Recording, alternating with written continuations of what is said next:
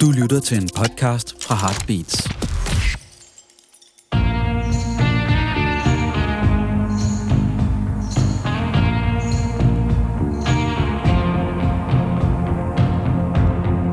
Så er det sørme blevet tid til endnu en gang rockhistorie. Dine værter er som altid Henrik Kvejs og undertegnet Claus Lynggaard. Og denne gang kan vi med glæde byde en gæst velkommen, som vi gerne har ville have fingrene i længe, men nu var muligheden der.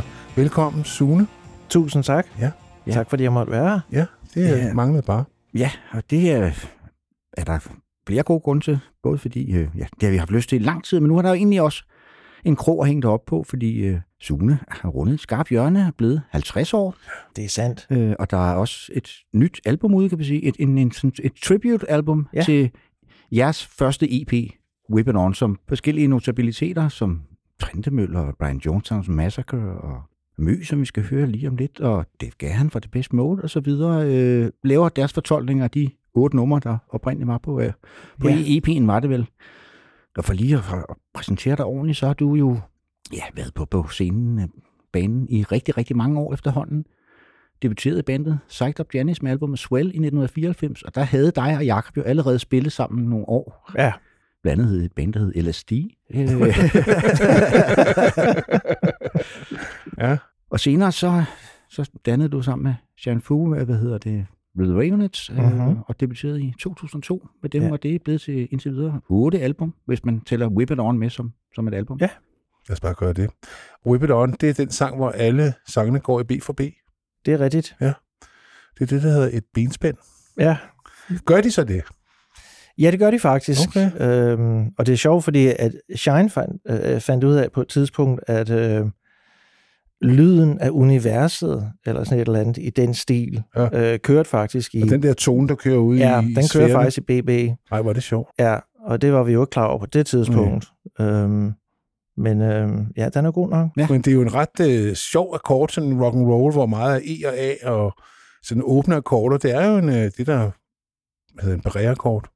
Ja, men, men det man skal sige med det der, og, og det har jeg også lagt mærke til nogle gange, når jeg, øh, når jeg ser folk på nettet for eksempel prøve at, at transkribere vores sange til guitar, så, så er det virkelig vanskeligt, det de gør. Men det de skal vide, det er, at grunden til, det er BB, det er fordi, at vi altid bare har stemt en halv tone ned på gitaren. Nå ja, smart. Ja, så man kan sige, at vi spiller jo i virkeligheden bare i B. Ja. Øh, men den er så bare stemt en halv tone ned. Okay. Så på den måde er det jo for os forholdsvis simpelt. Ja. Men for folk, der ikke ved det, når de skal sidde og transkribere Ah. numre, så er de problemer. Okay. Ja. okay. Så ved I det derude. Ja, så lærer de lige noget der Ja. om, om, hvordan man gør den slags. Og hvad, hvad er historien bag øh, Rip It Off Tribute-pladen? Øh, jamen altså, i, i, altså, det er jo ikke andet, altså i gåsøjt med, at, at, at der var jubilæum på pladen. Ja. Og, og vi havde tænkt, at det kunne være sjovt at have folk, som er inspireret eller har lyttet til pladen, og sådan nogle ting, til at, at prøve at lave deres fortolkning af, hvordan sådan en plade skulle lyde 20 år efter. Og det er jo i grunden det, det er i, i store træk. Og hvordan fandt de så frem til de otte navne der? Ja, men der, er- altså, der har vi jo selvfølgelig bare tænkt i grunden sådan, hvem har vi kendt gennem vores karriere siden dengang? Øhm, hvem har vi spillet med, og, og hvem kan vi godt lide, og, og sådan nogle ting. Og så er det i virkeligheden bare det, der er sket, tror jeg. Altså, så har vi ligesom bare lavet en liste over de folk, som, man sådan, som vi synes umiddelbart sådan, du ved, kunne lave fede ting Ja. af det, og som også selvfølgelig har været inspireret af det. Ja, det er en god forklaring. Og, og, men også bands, som vi har inspireret af, kan man sige. Så den går lidt begge veje, Ja. ja. for eksempel. Ja. Smukt. Ja, og hvad hedder det? Ravenets er jo stadigvæk også et aktivt fortid. Det er et stykke tid siden, jeg lavet en plade, men I turnerer jo stadigvæk, og nu ovenikøbet med den oprindelige besætning, som ud af jer to består af Ja. Jakob Højer og Manoj. ja. Jamen, det er rigtigt. Øh, og vi er faktisk i gang med at lave en plade. Vi laver jo så vores egen plade, hvor vi laver covernummer. Øhm, men det er så et andet koncept, kan man sige, fordi at øh, den plade, vi er ved at være færdige med nu, det er i grunden bare en plade, øh, hvor konceptet er de numre, som inspirerede os til at lave, hvad skal man sige, Whip It On, eller Start Ravenets, er nok bedre at Ja. ja. sige. Så det er jo alt fra øh, The Everly Brothers til Buddy Holly til The Cramps og alt muligt sådan nogle ting. Mm. Det lyder allerede som en god plade. Ja, Ja. men det, det bliver en super fin plade. Men det vil vi glæde os til. Ja. Men skal vi starte med at høre? For det var, det var grund til at jeg valgte både fordi jeg synes, den er, det er fedt. Det er så møs udgave af Attack of the Ghost Riders. Vi skal høre det, som jeg også oprindeligt åbnede øh, pladen. Ja, Øh, og, og, det var måske den af de kunstnere, som jeg mindst havde sat i forbindelse med, med Ravenets. Ja. Ja, men jeg, jeg tror, det er fordi, at, øh, at vi har altid godt kunne lide Mø, øh, øh, og jeg har jo mødt hende mange gange, og Ja. det har Shine også for den sags skyld. Og hun har et lidt unikt udtryk i forhold til, altså, når man nu snakker om, vi har Brian Jonestown på, og Black Angels og, og sådan nogle bands, så, så bliver det også meget sådan lidt i en genre, kan man sige. Ja. Så øh, derfor var det også lidt vigtigt for os at få nogen med, som måske skilte sig lidt ud, og, og måske kunne, hvad skal man sige, fortolke det på en anden måde, end bare ligesom, altså nu siger jeg bare, du ved, men at, at lave det på en, den måde, rocken var på, ligesom da vi lavede pladen, eller altså hvis det giver mening. Ja, det giver ja, helt god mening. Ja. Ja. Tag det et andet sted hen, eller man skal sige. ja, præcis. Jamen skal vi så ikke øh, bare høre Møs take på Attack of the Ghost Riders? Jo.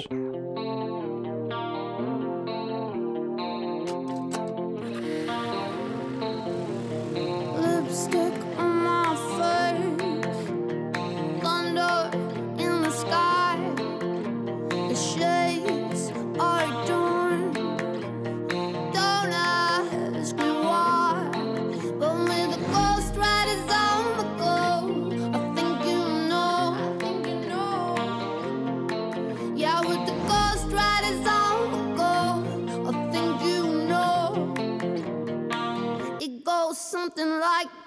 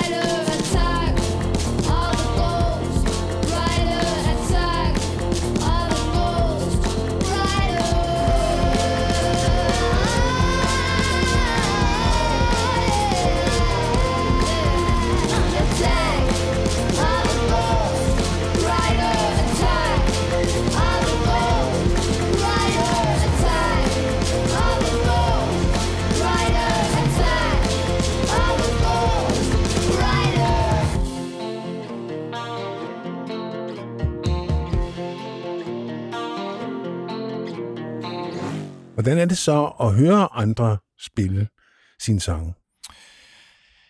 Øh, altså, jeg synes, det er flatterende at høre. Jeg synes, det er sjovt at høre. Mm, og, og spændende også, fordi jeg synes, at, at pladen i virkeligheden har sådan et, en, en bred vifte af, af forskellige stilarter i virkeligheden. Netop fordi med de øh, kunstnere, vi har valgt. Øh, så derfor synes jeg, at det, er, det har været vildt sjovt at, ja. at, at Ja. høre. Og, og igen, meget flatterende, at, at folk overhovedet har lyst til at være med på sådan noget. Nu skal vi til at høre nogle af de øh, ja. navne, som du er blevet rundet af, og nogle af dem, som du lytter til nu, og nogle af dem, du har lyttet til. Sådan en slags musikalsk rejse gennem Sunes verden, kan man Ja, godt sige. Som faste lyttere af Rockhistorie vil vide, når vi har en gæst i studiet, så er det dem, der har teten, det vil sige, det er dem, der har lavet spillelisten. Og Claus og jeg lytter bare andægtigt og kommer med Det er jo en det, vi er så gode til. Lytte, det er lige os. Og kommer med den hårde kritik. Ja. Ja. Ja, det har vi jo lagt begge to lagt bag os. Ja, okay, godt. Og vi, øh, vi skal starte med et band, som jeg ved har betydet en del for dig, Sune. Dire Straits. Ja, Og du har valgt deres debutsingle, Sultans of Swing. absolut. Ja. Og hvad er det med dig og Dire Straits? Ja, men det er fordi, øh, altså nu øh, kommer samtalen jo til at hænge sammen på alle mulige måder, men da jeg ligesom startede som, jeg startede som trommeslager, jeg fik et trommesæt, da jeg var fem år, og der havde jeg ligesom ikke rigtig tænkt på, at jeg skulle skrive sange, jeg tænkte i grund bare, at jeg skulle være trommeslager. Ja. Og min kusine Pia, hun lærte mig at spille tromme, da jeg var ret ung, og hun var en fantastisk dygtig trommeslager. Og det var i grund altid det, jeg havde lyst til at være. Det var i grund bare en tromslager. Ja. Men når man er født og opvokset i Sønderborg, så var det ikke lige let at finde et band, eller det var ikke let at finde et band i det hele taget, og, øh, men specielt svært at finde et band, som havde brug for en tromslager. Så på et tidspunkt, så begynder jeg at spille guitar, og en eller anden dag, så sidder jeg foran tv'et, der er en lille purk, og så ser jeg en live-koncert med Dire Straits, tror det er fra Wembley eller sådan et eller andet, hvor jeg så ser Mark Knopfler stå og spille. Øh, og udover, at jeg synes, at det er en fantastisk sang, og jeg synes, at de havde mange super gode sange, så lagde jeg bare mærke til, hvor er det dog fedt, at man ligesom kan stå og synge og spille en fed guitar på samme tid. Og det havde jeg slet ikke tænkt over. Jeg kommer jo ikke fra et musikalsk hjem overhovedet. Jeg er jo ikke vokset op med noget musik. Okay.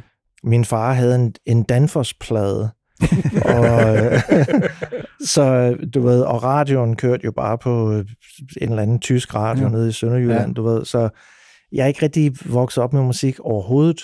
Eller, min mor var øh, øh, faktisk en, eller er, spiller virkelig godt klaver, okay. og en af de heldige personer, som har gehør, kan man sige, som ligesom bare kan høre en sang, og så sætte sig ned ved klaveret og spille den. Så vi havde klaver i hjem, da jeg voksede op, men det, det brugte jeg aldrig. Desværre, det ville jeg ønske, jeg havde gjort nu, selvfølgelig. Ja. Øh, men, men det kom jeg bare aldrig rigtig ind i. Øh, men jeg kan bare huske, da jeg så ham stå der og spille super melodisk, samtidig med, at han sang nogle sange, som også var melodiske, så tænkte jeg, det er måske den vej, man skal Jo. gå i virkeligheden lidt med, hvis, altså, guitar måske lidt vejen frem, også med hensyn til sangskrivning, tænkte jeg. Ja, det er måske nemmere at skrive sange på en guitar på en tromsæt. Ja, lige netop. Jeg, jeg havde et band i folkeskolen, hvor jeg spillede trommen, og min ven han spillede trompet, og der kom ikke særlig mange fede sange ud af det. altså. så, så jeg tænkte, jeg må hellere, jeg må hellere er lige steppe op. besætning, vil jeg sige. ja, Men det var også en plade, der gav dem ja, et øjeblikkeligt gennembrud. Ja, jamen, jeg hedder kan Dire tydeligt Straits, og jeg, kunne, jeg, havde den, jeg købte den også dengang, Ja, da den kom jeg også. frem. Jeg var Ja. meget vild med den. Også fordi der var sådan... Jeg var lige inde i en Dylan-fase, endnu en gang inde i en Dylan-fase på det tidspunkt, og der er jo helt klart, man kan godt høre, Mark Knopfler har hørt Bob Dylan. Ja, ja, ingen tvivl. Og J.J. Cale kan man Ja, også høre, ja. synes jeg. Ja, ja. Det der, under, det der med at underspille den, i stedet for, altså, han er jo ikke sådan en uh, henfiksagtig guitarist, han er mere sådan en cool fætter, ikke? At han er- Jo, altså, øh, men jeg giver dig ret i det der med, med Dylan der, også den måde, han synger på, også bare i Sultans of Swing Ja. ja. for eksempel, hvor det sådan, linjerne er kastet lidt ud, Ja. i stedet for at det ligesom følger et specielt mønster på den måde. Og så, øh, men så havde han bare den der måde at spille guitar på, hvor, altså man kan sige, som meget musik jo gør, også klassisk musik, kan man sige. Altså ligesom hvis der er et tema, så kommer der lige pludselig et modtema, eller et eller andet. Så han, der var altid et eller andet mellem linjerne, som var super melodisk. Og det havde jeg bare ikke hørt før. Og det synes jeg var ret interessant. Men øh, så lad os høre Sultans of Swing med Dire Straits, og vi befinder os i det herrens år 1978.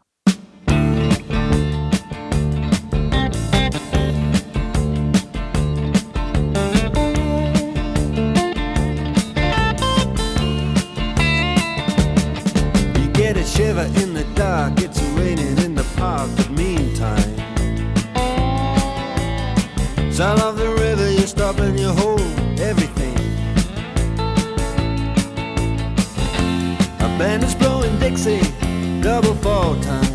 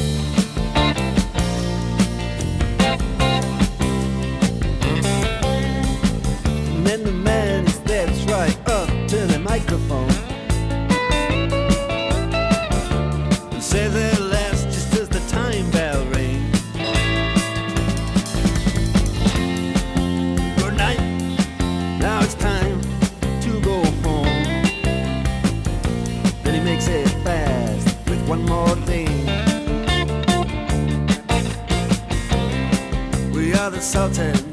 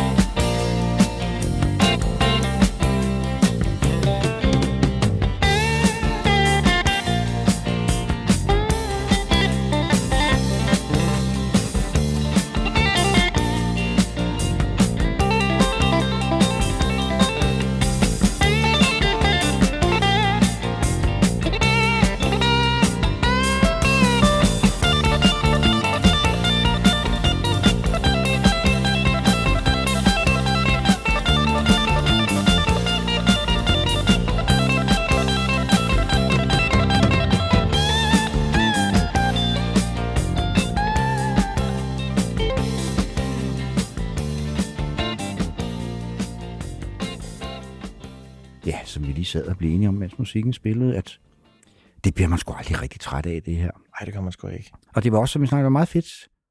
70'erne var, var det jo meget også noget med at klæde sig ud og så videre. Det var sådan... Øh, Mark Knopfler, han lignede faktisk den skolelærer, han var, da den her plade kom frem. Ikke? det, var ikke sådan, det var ikke så meget sex, de solgte varen Nej, på. det var det sgu ikke. Nej, det var det ikke. De heller aldrig rigtig nogen hårtransplantation. Altså, da håret faldt af, så hedder det falde af. Og... Vi skal, så skal vi så lidt tilbage i tiden. Vi skal høre Dion og nummeret The Wanderer, som ja, faktisk er hans anden single, efter han har brudt med The Belmonts. Og hvis man går ind på Spotify, så er nummeret kritiseret til Dion and The Belmonts, men det er noget røvl. Ja. Det er en fejl. Det er en fejl. Og det er faktisk meget tydeligt, at det ikke er med Belmonts, fordi der kommer lidt mere kant på ham som solist, synes jeg. Dion DiMucci, især i starten. Så han, Ja. han var en meget søgende, han var ude i mange genrer i løbet af karrieren. Han ville også være singer-songwriter på et tidspunkt. Og, øh, men øh, han er bedst her i starten, synes jeg, hvor han også er lidt fræk. Ja, og det var et nummer, som oprindeligt kom ud på en B-side. Altså, det er sgu en meget god B-side. Ej, det må her. man sige. Ja, det må man sige. Og øh, ja, hvorfor skal vi høre Dion? Sune? Ja, men det skal vi, fordi at det kommer til at hænge sammen med noget af det hiphop, vi skal høre på et tidspunkt. At, øh, jeg tror, det er i 1983, der kommer der en film, som hedder Style Wars, øh, som handler om graffiti-scenen i New York, og også breakdance-scenen for den sags skyld, eller hele hiphop-kulturen i virkeligheden.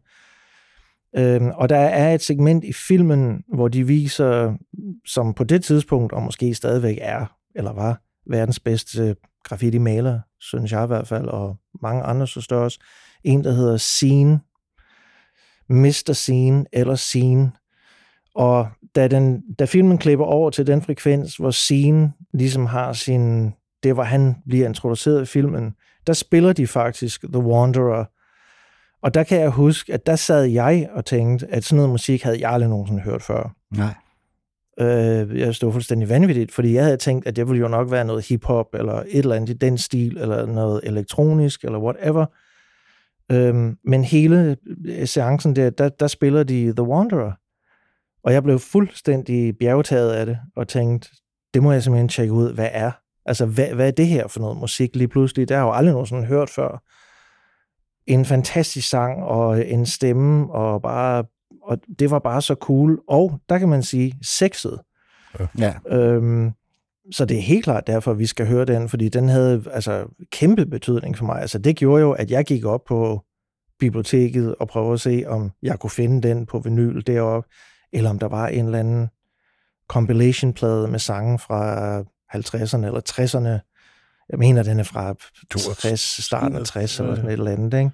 61, tror jeg. Ja, og så øh, lige til at, at, at tilføje, så øh, mange, mange år efter, så, så lærer jeg ham at kende Okay, øh, sjovt. gennem min mentor Richard Gotterer. Ja. Og øh, de er begge to fra The Bronx.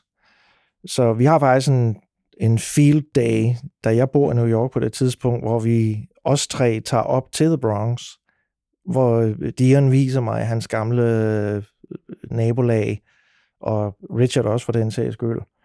Og det var altså en af de vildeste dage, jeg nogensinde har haft med hensyn til sådan noget med... Altså, vi kunne jo slet ikke gå på gaden deroppe. Altså, det var fuldstændig okay. som om, at det var Frank Sinatra, der kom hjem til hans gamle hood. Mm. Og alle de steder, vi var inde på, der sad der en eller anden mand, som var direkte taget ud af Goodfellas, du ved, altså i tracksuit med en guldkæde på, med håret slikket tilbage og et blåt øje.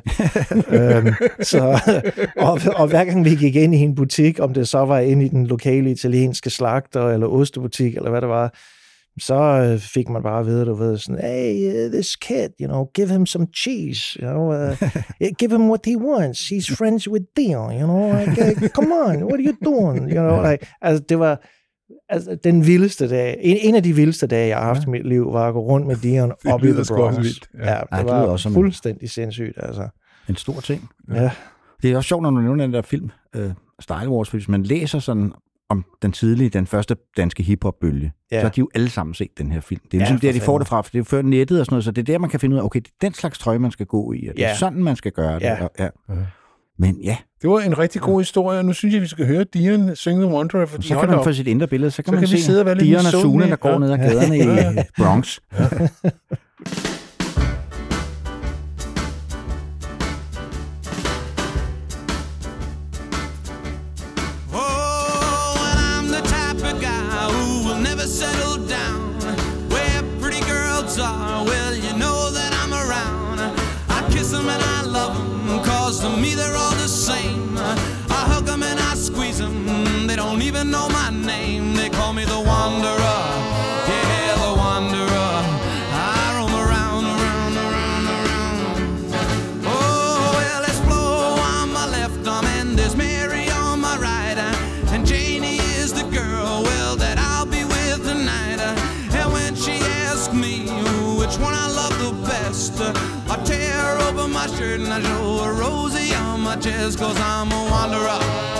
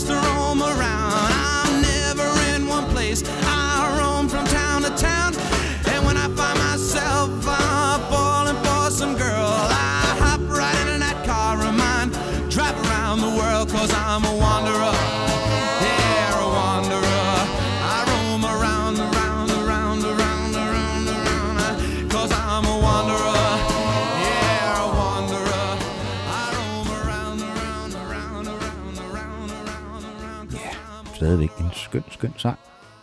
The Wanderer, hans andet store hit, det var Run Around Sue, som også er et super fedt nummer. Ja, det må man sige. Hvad hedder det? Og nu var vi jo inde på hiphoppen før, øh, i forbindelse med filmen Style Wars, som så sjovt nok også blev din introduktion til Dion. Men nu skal vi faktisk høre noget hiphop. Vi skal høre Run DMC Mm. og deres debutsingle It's Like That. Ja. Ja, men altså, i Sønderborg dengang, der var øh, altså tidlig hiphop, eller det man jo så nu om dagen kalder old school hiphop, ja. var jo øh, fantastisk, og alle forældrene sagde jo, du ved, jamen det er jo bare en, det går over lige om lidt, du ved, det bliver jo aldrig sådan noget, det er hiphop. bare en der, men, ja, ja, men fint nok, lyt, lyt du bare til det, og, og breakdance du bare, tag dit stykke pap med ned på Rådhuspladsen og stå dernede og lave en bølge, du ved, ikke? Men øh, der havde jeg jo heldigvis en, øh, en hiphop-mentor dengang, som var... Øh, altså, vi kender ham jo i Danmark som Elron Harald. Øh, hans borgerlige navn, Lars Jensen. Ja. Og han var jo lige et par år ældre end os, og han var jo totalt øh, betaget af den her nye form for musik, der lige pludselig florerede. Så han var jo en af dem, som tog toget til København for at købe en plade, når han vidste, at lige pludselig var en ny plade Okay. ude. Så Han var Det var- dedikeret. Ja, det må man sige, og, og det var jo ham, der introducerede mig til alt hiphop-musik, altså startende med Run DMC, og, og selvfølgelig Beastie Boys, og Curtis Blow, og Grandmaster Flash, Mel Mel, alle de der ting. Så øhm, vi var jo fuldstændig, altså vi sad derhjemme nærmest med sved i hånd, og ventede på, at han kom hjem med en eller anden plade, som man så sat på, som man hørte.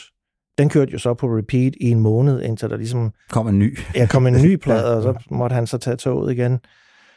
Så, øhm, så det er jo også bare noget musik, som ligesom bare har haft kæmpe indflydelse øh, på mig, og bare har haft sådan en, en lykkelig tid med, at det har været fedt at være en, en, en del af en, en ny genre inden for musik, altså hvor den bare er der lige foran en, hvor man sådan tænker, jamen, hvor, hvor, hvor skal det her ende, eller hvor går det hen, eller ender den? Altså alle folk siger jo, at det er jo bare en, du ved, det er jo bare mode lige nu, og du skal ikke tænke på om et år, så er der ikke noget, der hedder hiphop mere. Og nu er jeg 40 år senere, så er det jo faktisk den dominerende genre. Ja, præcis. Heldigvis. Ja. Øhm, så, ja, så det er jo også bare et af, de- af, af de numre, som virkelig har betydet meget for mig. Da vi hørte den første Run DMC-plade første gang, der var det jo også bare, jamen altså, hvad er det for noget musik?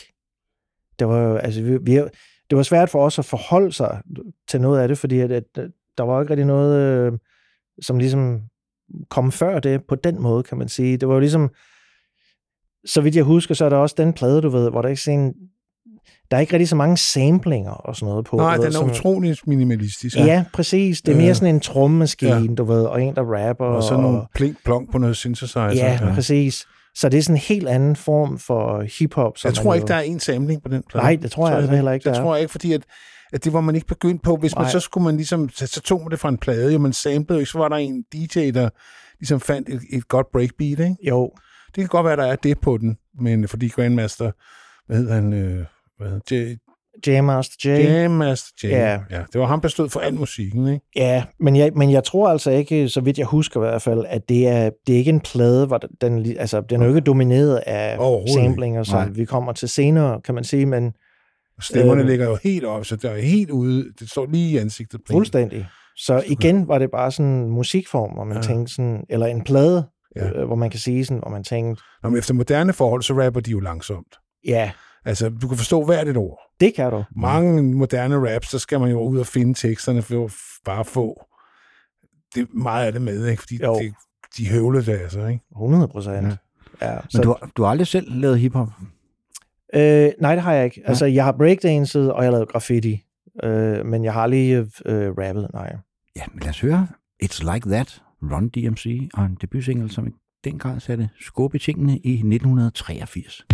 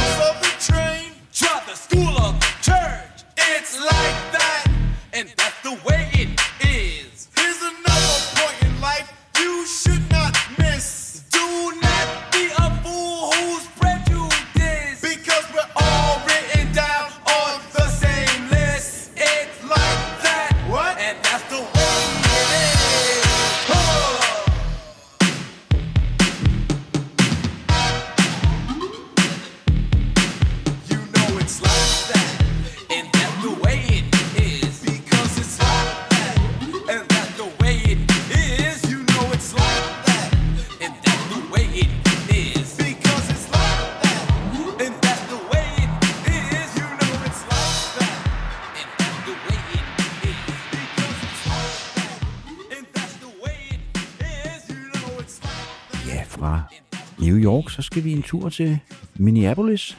Sune skal høre en trio, som ja, jeg har også været meget begejstret for, som var så heldig, at havde to rigtig gode sangskriver, Grant Hart og Bob Mould. Mm-hmm. Vi snakker om Hysker Dy. Jamen altså, jeg kan huske, at øhm, der boede jeg jo stadigvæk i Sønderborg på det tidspunkt, og, øh, og, og der var der en fyr, som ligesom havde opdaget noget andet musik, kan man sige. Fordi på det tidspunkt, der, var det, der lyttede vi mest til enten hiphop eller mere sådan decideret popmusik. Og han inviterer sig hjem i hans lejlighed en dag, og så siger han, der er altså lige noget musik, jeg også lige skal prøve at høre her. Og så putter han New Day Rising på pladen, så vi sad og hørte hele pladen. Og, og det er igen en af de momenter i ens liv, som, hvor man virkelig bare sidder og tænker, jamen, hvad er det? Ja. Altså, hvad, nu, hvad er nu det? Ja. Fordi for mig var det ekstremt støjende, og, men jeg kunne godt se, der var noget fedt over det, fordi at, at det holdt en fed form. Og så, og så elskede jeg det der med, at han bare blev ved med at gentage New Day Rising, New Day Rising. Der var ikke noget mere i sangen end det. Men det var bare ekstremt intenst. Og virkelig bare noget, man sådan, du ved, ej, put den lige på igen. Ja. Jeg skal bare lige være sikker på, at øh, jeg har hørt rigtigt. Ja. Og så inden man så sig om, så har man, ja, så har man hørt det der nummer 50 gange i løbet af sådan en aften. Fordi det var bare så fascinerende. Og det var også det, der var lidt sjovt med, med Hysker Dy, hvor til meget andet punkmusik. Og selvom den er jo ret smadret produceret, den her plade, den er lavet for stort set ingen penge, Ja. øh, så kan man godt høre, at de godt kan skrive sange. Altså, for der, fanden. er, øh, pop, der, er, der ligger popsangen nede under Ja, alt det der ja, nede, ja, det var, det var hele tricket, med, Ja. der gjorde, at de ikke rigtig var hardcore. Ja, Ja. ja, ja lige præcis. Øhm, Sådan i ordets eneste forstand. Ja, altså jeg, jeg, jeg tror, at andet nummer er ikke The Girl Who Lives in Heaven Hill, tror jeg, der Jo. er på pladen, hvor han siger den der, for mig, ikoniske linje, that, that girl, that bottle, that mattress and me. Du ved, det var sådan en, wow, du ved, hvilket statement at komme med. Øh, og det kan, jeg, det kan jeg godt huske allerede fra dengang, hvor jeg så havde tænkt, okay, vildt, du ved, det er sådan, sådan har jeg da også lyst til at leve. Ja. Det, det lyder som et simpelt liv på den fede måde. Ikke? Det kunne du godt relatere til. Ja. Jamen, øh, lad os høre titelnummeret fra New Day Rising. Og året er, hvornår er det, den er fra? Den er fra 85. 85. Ja.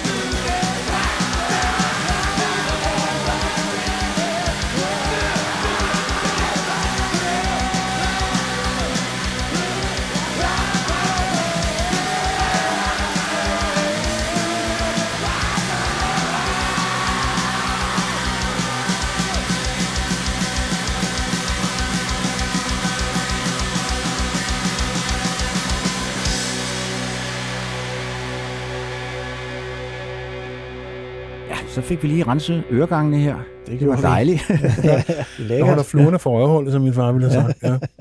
nu, skal vi, nu skal vi hjem til Danmark. Mm. Vi skal høre ja, en, en sang, der i dansk rockhistorie jo er ikonisk. Slipping My Day Away fra dengang. Det er jo faktisk på den her plade, uh, No Fuel Left for the Pilgrims, hvor Disneyland After Dark bliver til DAD, fordi den bliver udsendt i, i hele verden. Øh, og der kan de ikke hedde Disneyland After Dark, Ej. fordi det, det, de er for, simpelthen for bange for at få sagfører på nakken, og det havde de nok også fået. Det har de fået. Ja, det er rigtigt. Det er helt sikkert. Ja, men det var altså det var faktisk til en af vores afslutningsfester i folkeskolen, kan jeg huske, øhm, hvor der var et diskotek selvfølgelig. Øhm, og så på et tidspunkt, så kommer den her sang på. Og så har jeg igen sådan et moment, hvor jeg sådan sidder og tænker, hvad fanden er det? Øh, totalt melodiøst, øh, virkelig energisk, og virkelig bare en skøn sang. Altså øh, bare sådan en, man nærmest med det samme lidt kunne synge med på. Øh, som jeg jo havde det meget med popmusik i, i, i 80'erne, men så lige pludselig, så var der lige pludselig sådan mere guitar ind over det, og en, en anderledes form for energi, vil jeg sige. Og jeg kan tydeligt huske, at jeg stod helt op foran højtaleren, og det har jeg kun gjort to gange i mit liv, hvor jeg rent faktisk har stået op foran højtaleren på et diskotek, altså med øret helt inde i højtaleren, øhm, og fået ham der DJ'en til at spille det op til flere gange. Fordi jeg kunne simpelthen ikke, altså den skulle jeg bare høre igen og igen og igen. Jeg synes simpelthen, det var sådan et fantastisk nummer, og da jeg så kom i gymnasiet lige efter det, hvor jeg mødte Jakob Jørgensen, hvor vi, hvor vi jo lavede ja, LSD. Ja. Øh, der var vi jo super inspireret af det. Altså det var, der tror jeg, vi var meget enige om, at det var sådan, at vi, vi, skal, vi skal i hvert fald lave et rockband. Og, og hvis det lyder lidt hen af sådan noget som den der Sleeping My Day Away, så vil det heller Så ikke være det ikke dårligt. noget. Nej. Nej, så gør det altså ikke noget. Og så kan jeg huske også, at vi så hitchhike, vi, altså vi var jo fuldstændig vilde med det band. Så vi hitchhikede fra Sønderborg til ridebanen op i Aarhus for at se dem spille, og der spillede de jo med Sandman, og, Ja, ja. også i, og, og i Ridehuset for den sags skyld, eller ja. hvad det hedder. Øhm, Det var også med den her plade, de blev rigtig store i Danmark. For jeg kan huske den, Ja. altså den, dengang de bare var sådan et... Altså, Jamen, det var en joke. I starten var de en joke, ikke? Åh, dansk kravpunk, bum, Ja. bum, bum. ja, Contradiction in terms, ikke? Øh, hvor de står med deres, øh, det der øh, kranie fra en bøf, øh, buffalo, ja, ja, ja, ja, Altså, man tager sådan lidt, det var et tegneserieband, ikke? I starten, synes vi. jo. Men de var også sjove, man kendte dem jo fra miljøet. Stig var alle vejen dengang, ikke? og det er også, det var, jo- det var den plade, der ligesom skulle have været deres store internationale gennembrud. Det blev den så aldrig helt, men den solgte trods alt alligevel 600.000 eksemplarer på verdensplan. Ja, men det er jo, altså, Det er alligevel noget, ikke? Men Åh. 275.000 af dem i Danmark, det var dengang, man kunne sælge 275.000 Ja. plader i Danmark. ja, det er ret imponerende. Den er heller ikke, det er heller ikke en, en collector's item. Den er ikke sjælden, kan man sige, men... Øh, Nej, men altså man kan sige, der var også, altså udover det nummer selvfølgelig, var der, var der også bare mange andre gode numre på Ja, den plade, Ja. som ligesom, altså hele pladen, altså er jo meget helstøbt og, og, og ret, hvad skal man sige, gennemarbejdet ja. og, og ret fed. Øhm, så der var fede numre på Girl Nation og Ill Will og sådan nogle ting. Øhm, der var, der var, Ja. der var sgu mange gode numre. Ja, altså, Så, og dem spiller de jo også stadigvæk live. ja, ja, for Øh, fanden, og det kan jeg da også godt forstå. Ja. Øh, kan, jeg kunne se- en af de der absurd mange musiktidsskrifter, man har haft op gennem fingrene øh, i sin, sin tid. Der var så et af dem, der, der kårede de 50 bedste hair metal albums. Ja, Der var det her et af dem. ja så jeg klart. tænkte, jeg havde sgu egentlig aldrig tænkt på som hair metal. Nej, det synes jeg, jeg synes faktisk, de Nej, det transcenderer synes jeg Jeg tror, ikke. at det der western, du snakker om, gør, at de ikke rigtig ligger der. Fordi Ja. der er en anden, altså, altså ikke noget ondt ord om her metal, jeg skal ikke sidde her og være negativ, men det var sådan meget en bestemt lyd, som jeg ikke synes egentlig passer til D.A.D. Nej, men jeg, jeg kan, måske lå de lidt mere op af sådan noget som, altså det ved jeg ikke, måske Gun Club eller et eller Ja. andet, som også lidt havde den der, altså... Ja, de var ikke så wasted som, øh, som Gun Club. Nej, Nej. Og jeg, man kan sige, da jeg, da jeg skulle lave den her liste her, det er jo, ikke, det, det er jo aldrig let at lave en liste over, altså man kan jo finde tusind numre, men man kan sige, fordi at, at Øhm, jeg, kunne, jeg kunne også sagtens have puttet Sandman på, for eksempel, fordi de kom jo også og spillede på vores gymnasium dengang. Ja. Øhm, det er jo aldrig... Western Blood er jo, er jo også for mig en af de bedste danske debuter nogensinde. Ja. Og, men det er jo bare et helt andet bane, kan man sige. Men, men den vil jeg da også have... Altså, ja, hvis du har det... sagt put 40 sange på, så er den da også råd ind, ikke? Men det er jo aldrig nemt at lave de her lister. Det er jo sikkert... Det ved vi jo også, vi laver dem jo selv. Ja. Øh, og det er jo også det er jo også et øjebliksbillede, fordi hvis du, jeg havde bedt dig om at lave den om en halvt år, så var der sikkert røget nogle andre sange på. Ikke? Ja, præcis. Ja. Og, jeg, og jeg tænkte også på, at det, nu lavede jeg også listen ud fra det der med sådan noget, som virkelig gav et indtryk på mig, ja. og virkelig sådan ja, inspirerede det der, mig til lige at... rykke ud af vanetænkningen. Ja, præcis. Ja. Ja. Jamen lad os høre den. Slim My Day Away, og den er fra 1989.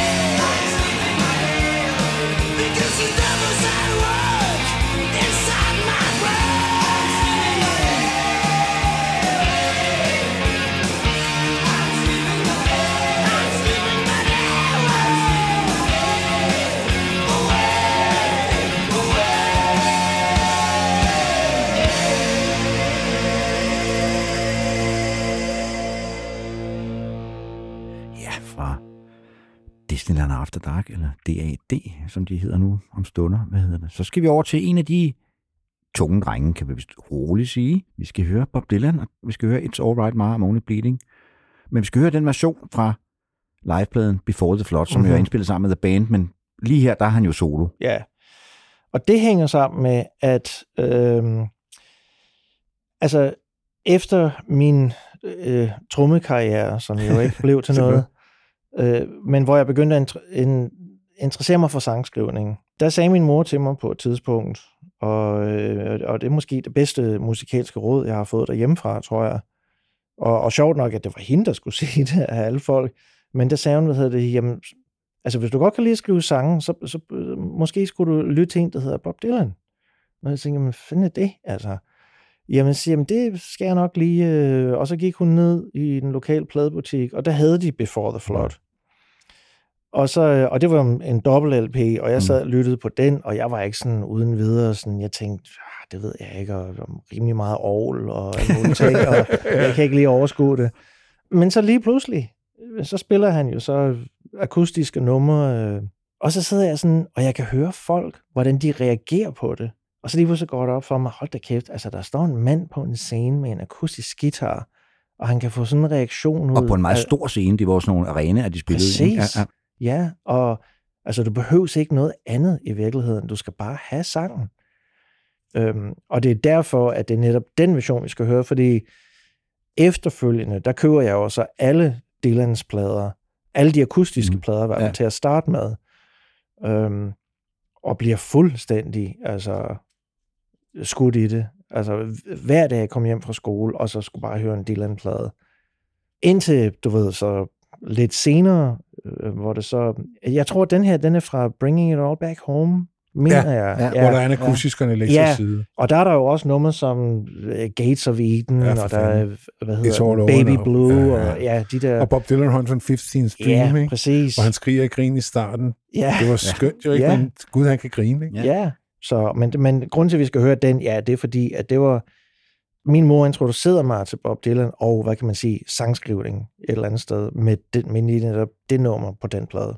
Det er også, sgu også et meget godt sted at starte. Ja, Jeg var også altid helt vild med det.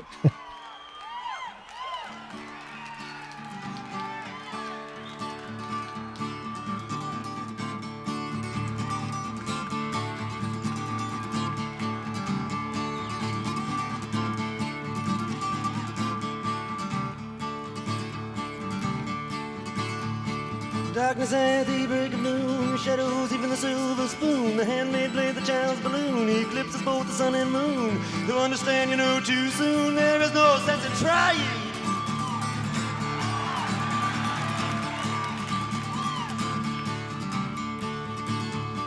Pointed threads that they bluff with scorn, the suicide remarks are torn. When the fool's gold mouth beats a hollow horn, plays wasted words, proves the one that he not busy being born, is a busy dying.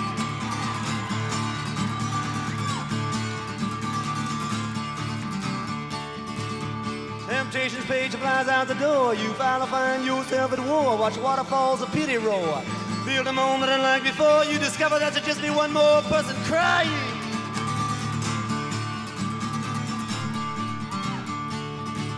So don't fear if you hear that foreign sound in your ear. It's alright, Mom. I'm only sighing.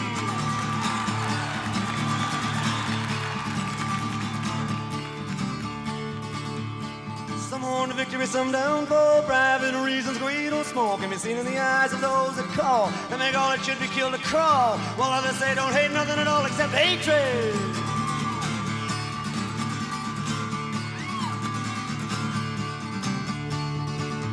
Disillusion words are like a bullet spark. Is the human gods aim for the mark. And make everything from toy guns that spark. The flesh-colored Christ that glow in the dark. Easy to see without looking too far. Not much is really sacred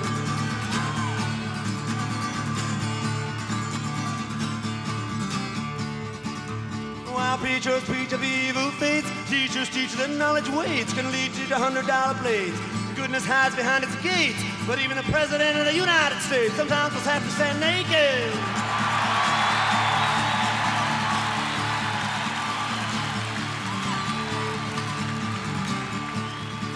Though the rules of the road have been launched, it's people's games you got to dodge.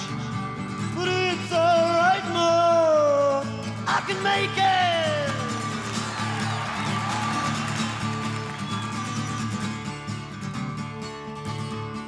Advertising signs that con you into thinking you're the one that can do what's never been done, that can win what's never been won. Meantime, life outside goes on around you.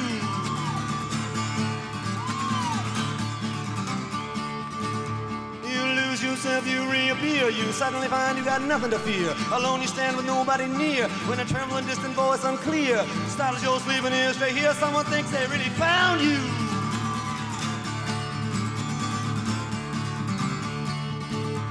A question in your nerves is lit, yet you know there is no answer fit to satisfy. Sure you're not to quit. Keep it in your mind and not forget that it is not he or she or them or it that you belong to.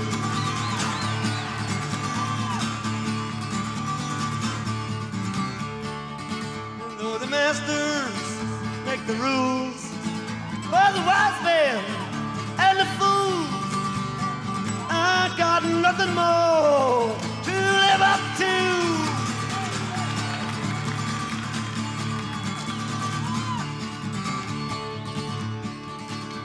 Old lady judges watch people in pairs, limited in sex they dare. The push fake malls insult and stare. Money doesn't talk, it swears obscenity. Who really cares? Propaganda all is phony.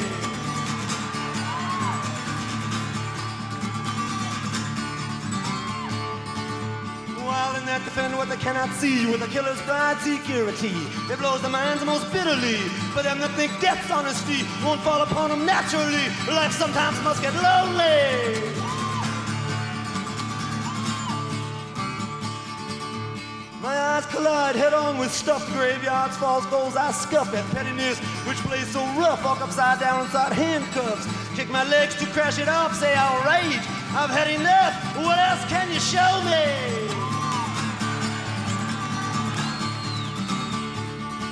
And if my thought dreams could be seen, they'd probably put my head in a guillotine. But it's alright, Mo. Life and life only.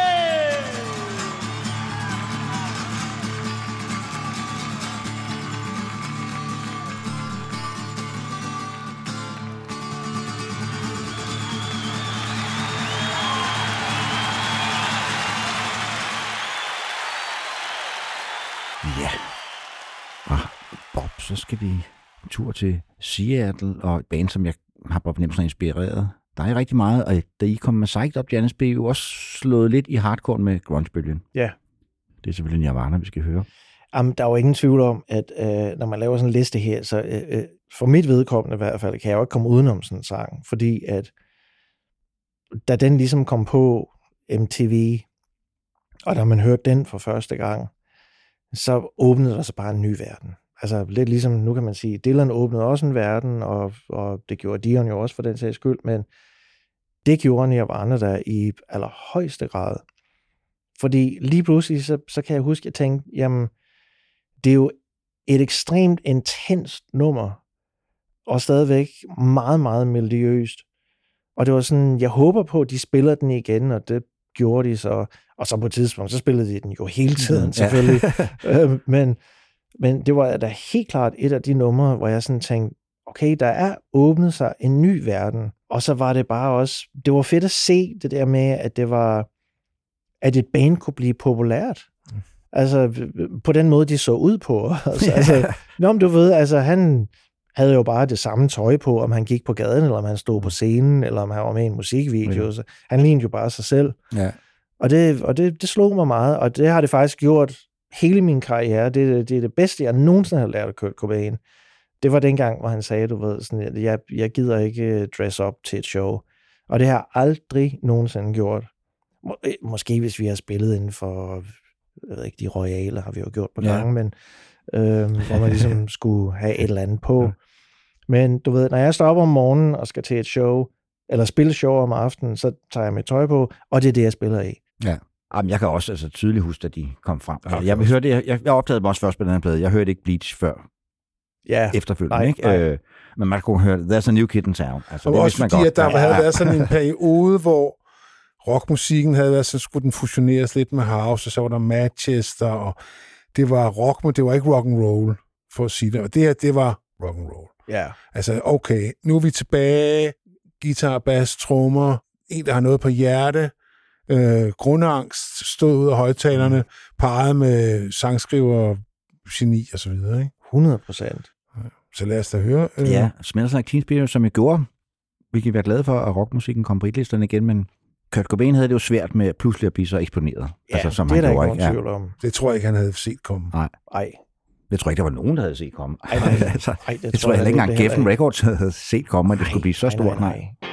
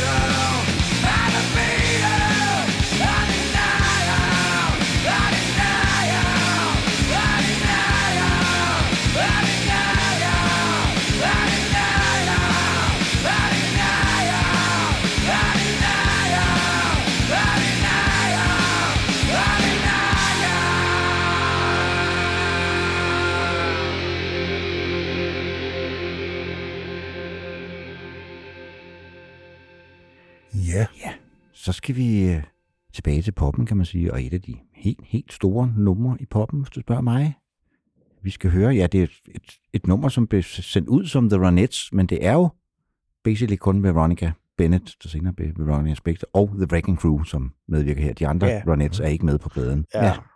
ja, men altså, det er jo, ja, måske verdens bedste sang stadigvæk. øh, eller det, det, det synes Det er jeg et jo godt et bud i hvert fald, ja. Ja, men det synes jeg faktisk, det er. Jeg synes, det er...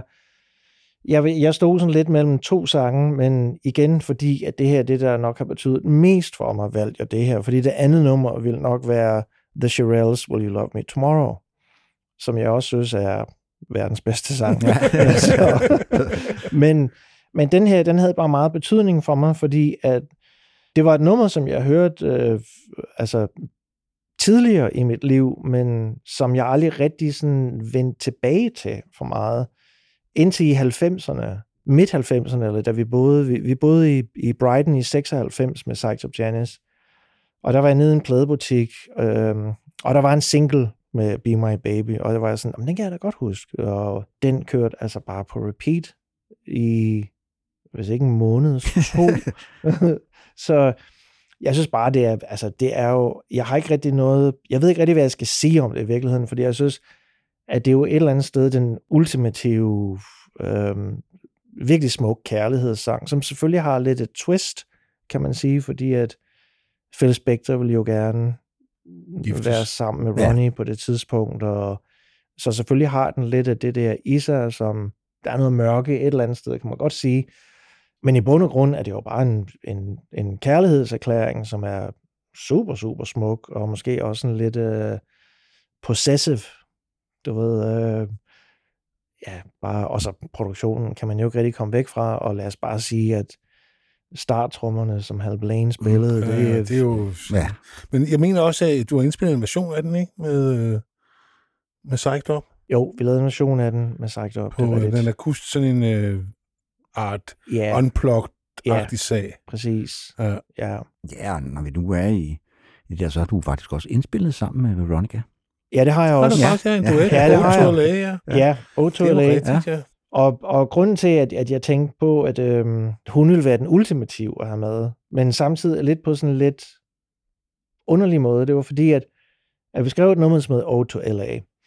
Men hendes øh, oplevelser, kan man sige, med Phil Spector har jo aldrig været gode. Nej. Øhm, og jeg kender også øh, øh, Phils datter rigtig godt. Så der er hele tiden de der, du ved, man skal tage side, eller man skal vælge side hele tiden. Du ved, jeg kan ikke sige til, til Nicole Spector for eksempel, som er datteren, Mm. jeg kan ikke sige til hende, at jeg synes, at Phil er et geni, Øh, så får jeg en på munden, ikke? øh, men det kan jeg godt sige til andre folk. Så øh, det er sådan lidt en, en, en, en tricky... Nej, undskyld, nu, jeg mente ikke Phil, jeg mener Ronnie er et geni. Ja. Øh, øh, datteren har altid været på farens side, Ja. al- øh, og var selvfølgelig heartbroken, da han kom i fængsel. Men så Men- skal man jo nok lade være med at gå rundt og skyde folk. Jo. Ja, og, og, og det er der jo så igen delte mening om, øh, hvad der skete, og hvordan var ledes, og det ved jeg intet om. Og, Det er der ingen af os, der gør. Nej. Nej, det er vist... Det...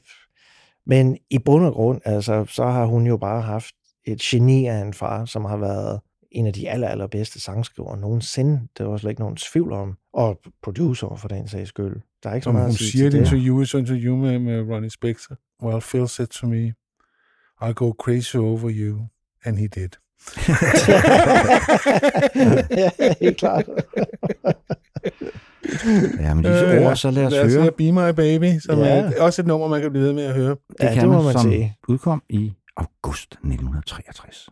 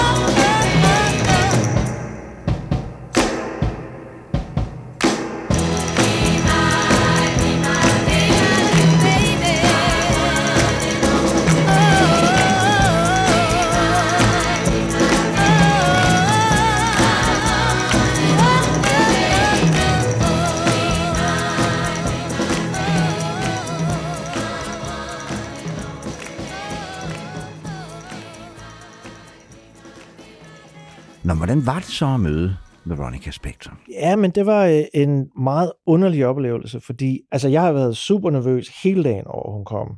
Øh, fordi at hun var bare, du ved, så stor for mig og ikonagtigt, at jeg kunne slet ikke overskue, at hvis jeg ligesom skulle sidde, hvad skal man sige, og producere den her session, det, jeg, altså, fordi jeg synes jo et eller andet sted, alt det, hun har lavet, er bare godt. Så jeg bad Richard Goddard om at, at tage over og sige, så jeg sætter mig lige lidt i bagsædet, Mm, og så kan du mm. styre hende og sådan noget der. Der begynder at komme folk ind, øh, assistenter, og hænger tøj op, kjoler, der hænger på et tidspunkt 20 forskellige slags kjoler. Der bliver tændt stearinlys, der bliver printet en tekst ud på størrelse med rundtårn, du ved, ikke? Og, og, altså, og jo mere og mere, at de der folk begynder at komme ind, jo mere og mere begynder jeg at blive fuldstændig, altså mit hjerte banker jo, jeg kan slet ikke, altså hvad er det, jeg skal møde her?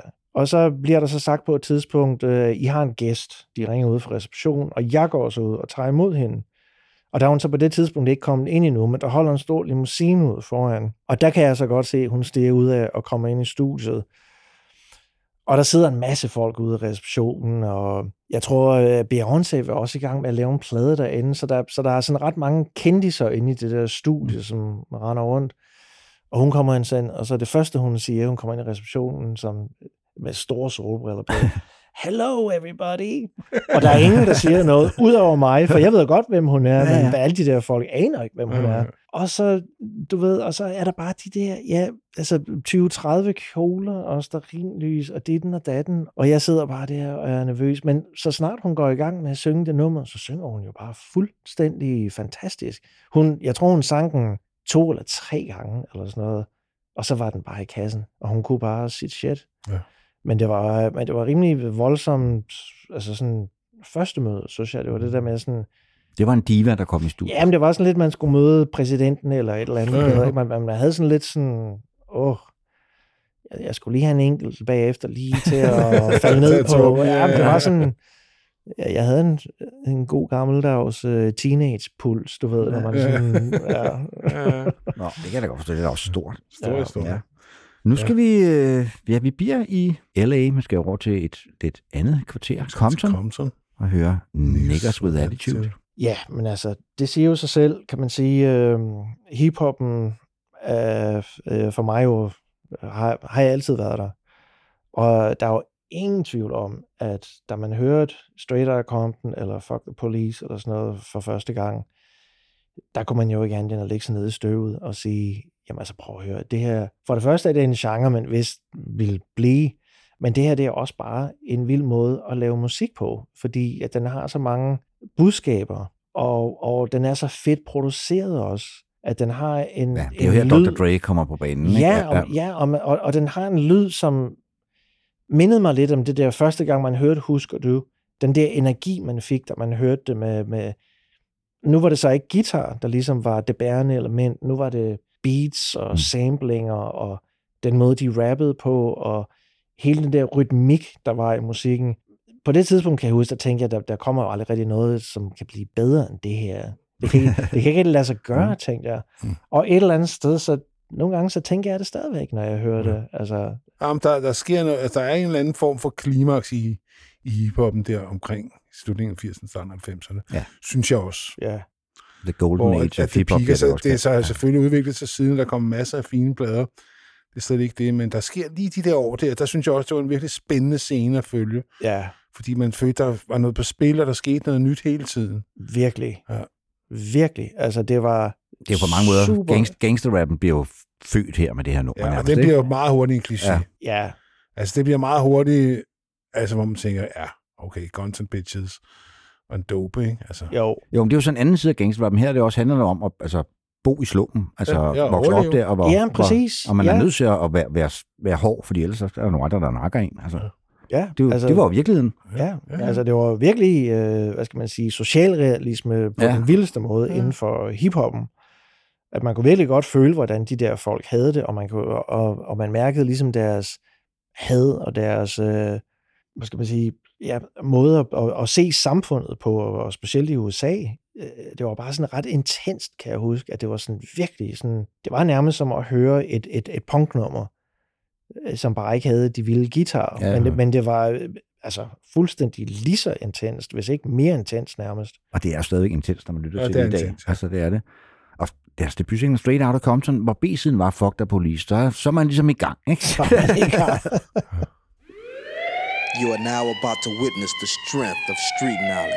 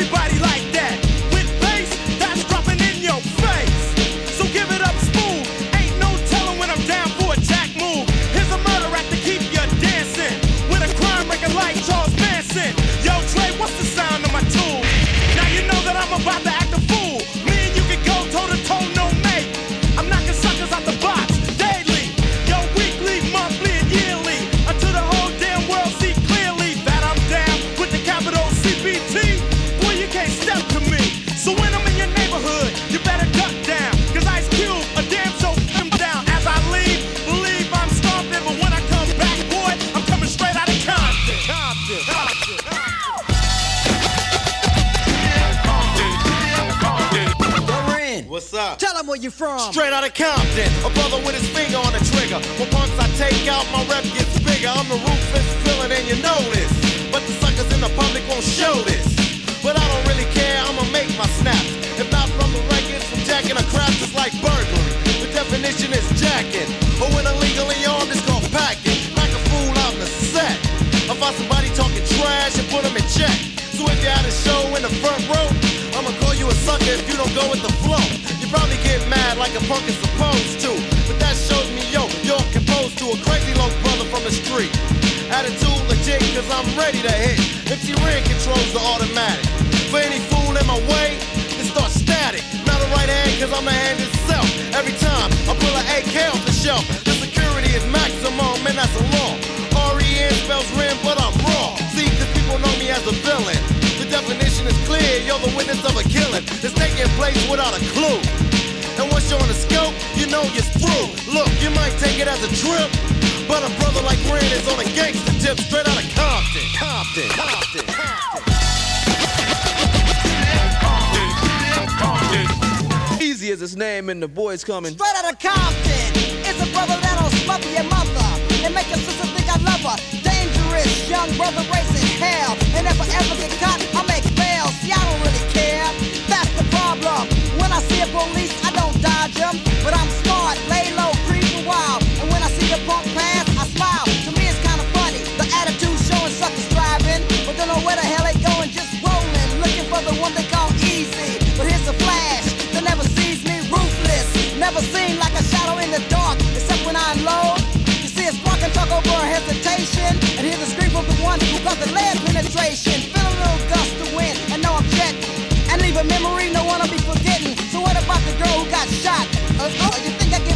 A about a girl? I ain't a sucker. This is an autobiography of the E. And if you ever mess with me, you get taken by a stupid dope brother who is mother. Word to the mother, yeah, straight out of. Compton, Compton, Compton.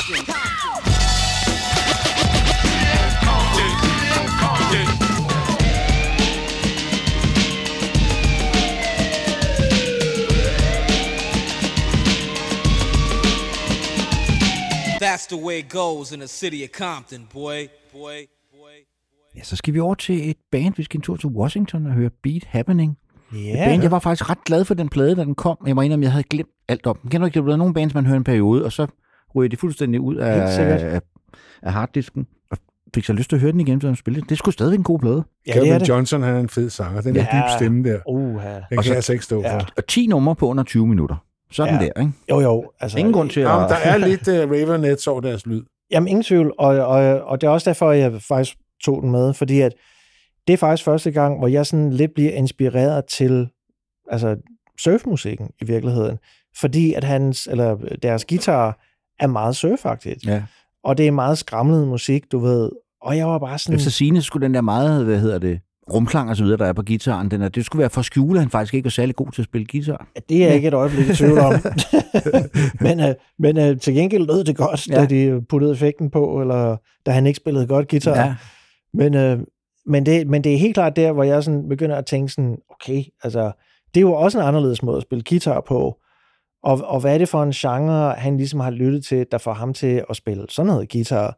Og stemmen, som du siger. Altså, jeg har aldrig nogensinde hørt en sanger, der sang sådan før, heller på den måde. Nej, det er fedt, han synger så dybt. Ja, ja altså man kan sige, Lee Hazelwood sang, havde jo også den fede dybe stemme, men det her, det var bare en anden sammenhæng, fordi det var mere skramlet, og det var sådan lidt mere, du ved, DIY, ikke? Do it yourself Mm. attitude. Du Ja, ved, de havde og- også deres eget pladeselskab, K-Records. Ja, ja, sådan og, noget. det hele og var sikkert indspillet for, du ved, 100 kroner, Ja. ikke? Og Ja, ja, ja, ja. sådan, så det må jeg indrømme, det var også en, altså en kæmpe influence, den der sang. Ja. Nummeret hedder I Spy fra gruppens debut mini-LP, som også bare hed Beat Happening, og året er 1985, selvom det ikke var det år, Sune hørte det. Ja. Ja, man behøver ikke engang to minutter for at skrive en god sang.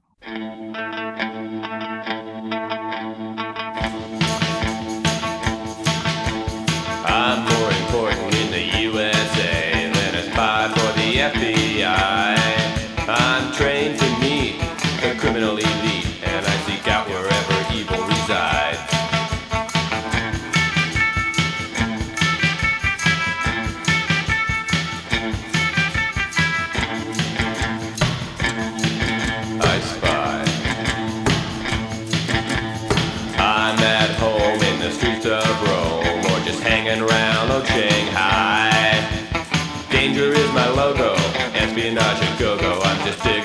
American crime.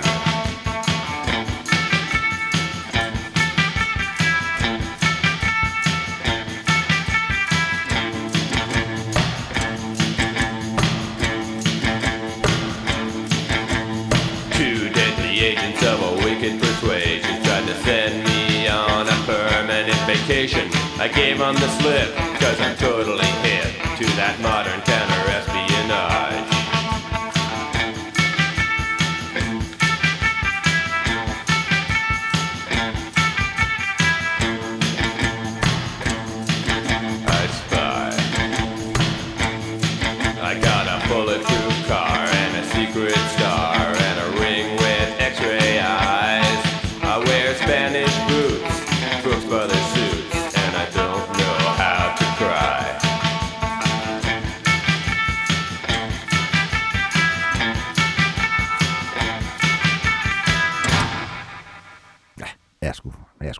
Beat Happening.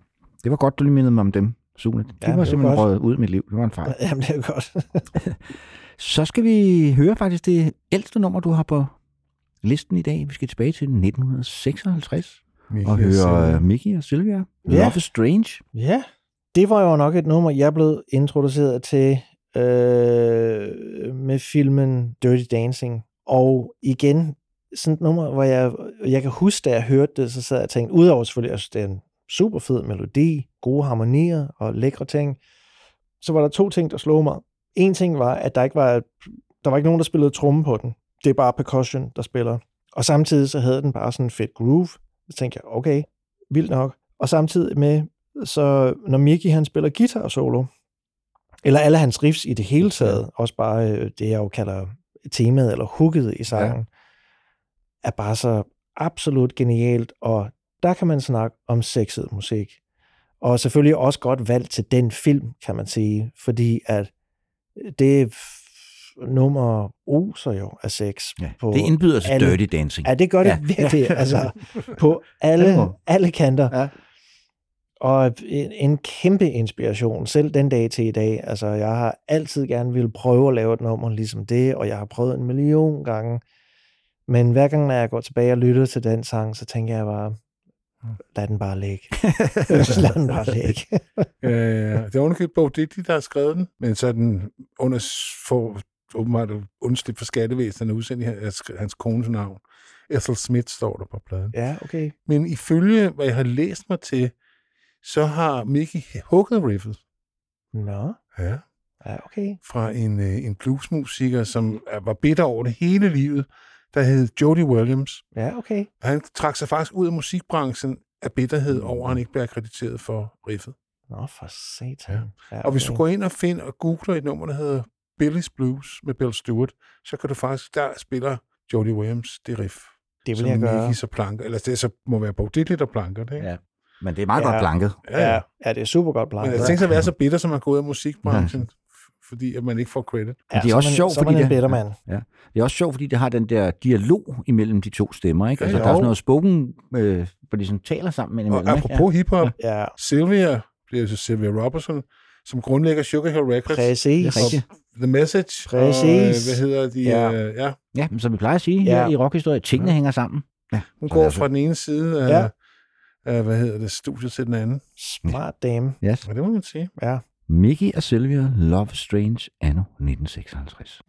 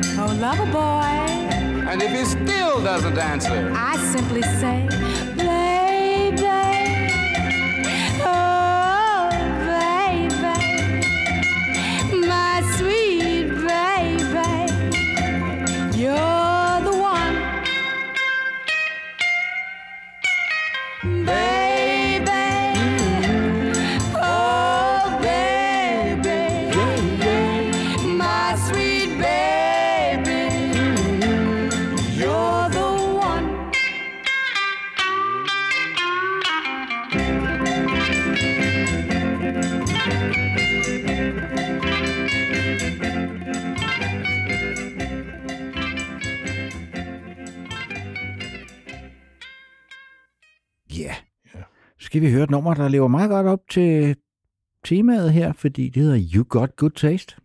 Og det er Cramps, vi skal høre. Det er det.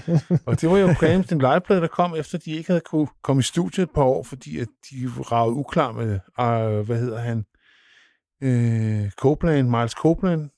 Og pladselskabet IRS. Ja. ja. de udsendte uh, Psychedelic Jungle der, ikke? Ja. Ja. Så blev de uvenner, så kom der det, så kan man åbenbart nedlægge fodforbud. Ja. Så de måtte vente i to år på at lave en plade. Så den kom i 83, det var kun deres tredje plade. Ja. Smell of Female, Som som, er optaget af Peppermint Lounge i New York. Selvfølgelig er optaget på Peppermint Ja. Lounge. Ja. Altså, jeg har altid synes, at det er, og, og stadigvæk til den dag i dag, at hver gang jeg starter et projekt, så lytter jeg til den plade. Det er ligesom mit, min nummer et inspirationsplade af en eller anden årsag. Jeg synes, den har så mange gode ting, den plade, og jeg synes, den er så inspirerende, og jeg synes, der er så meget fed energi i den. Altså, jeg skal bare lytte til, du ved, 20 sekunder af den, og så, så har jeg lyst til at tage min guitar frem, eller et eller andet. Det er øh, ingen tvivl om, at det er den plade, der har inspireret mig mest gennem hele min musikalske karriere. Øh, det kan være, at man ikke kan høre det, og det er jo også fint nok, og det er heller ikke det, der er mening, kan man sige, men der er bare en eller anden energi og nogle fede sange på den plade, der gør, at jeg bare sådan får lyst til at skrive musik, når jeg hører den plade. Og det er derfor, jeg har taget den med. Det er da også en ret god grund. Ja. Det var Ja. også, også et band, vi hørte rigtig meget i den periode, Claus. Jeg kan så så dem, var det i 86, de spillede salglærerne. Det var, de bedste det var koncerter, en jeg har set. virkelig, virkelig god koncert. Ja. Det var på Date ja. Elvis-turen. Ja, han var altså vild, Lux Interior. Ej, på det var han altså godt nok. Ja. Jamen, han var som sådan en slags laceron Iggy. Ja. Altså, hvor Iggy trods altid... s- Lux, han skulle altid ned og rode en måde. Rulle en Ja. måde. Ja. Altså, i ordets eneste forstand. Og hun var jo sej. Ja, så Poison Ivy. Altså. Ja, og så har jeg sådan noget op for de virkeligheder. Det synes jeg hører med. Han hedder faktisk rigtig Erik Porkheiser. Okay. Det er ikke helt så sexet som Lux Interior. Hun Nej, hedder det er det Christy Wallace. De møder hinanden i 72. Ja. Han samler en hitchhiker op. Øh, og det er så hende. Og så der er sådan en gensidig øh, sympati. Men så viser det sig, at de skal til det samme kursus i et college i Californien, der hedder Art and Shamanism. Og så bliver de kærester. Ja. og det er 72. Han er Alice Cooper-fanatiker. Ja. Det hele starter med ham, for ham er Alice Cooper. Ja, men det kan, det kan man jo i grund godt fornemme også. Ikke? Ja. Altså, jeg har også set dem en del gange. Ikke dengang, men jeg har set dem i, altså, i, fra starten af 90'erne af, indtil han døde i virkeligheden. Ja. Jeg har set dem rigtig, rigtig mange gange. Og jeg har jo altid elsket Poison Ivy. Ja. Altså, i det hele taget bare lukket af bandet, og bare... Det, det bliver sgu ikke meget mere cool. Altså, det, ja, der, der er et eller andet over det, som bare er sådan, wow, du ved. Ja, vi skal høre... You Got Good, Good Taste, Taste The Cramps. Smell of fra- Female. Ja, 1983. This one's dedicated to all you Gucci bag carriers out there. It's called You Got Good Taste.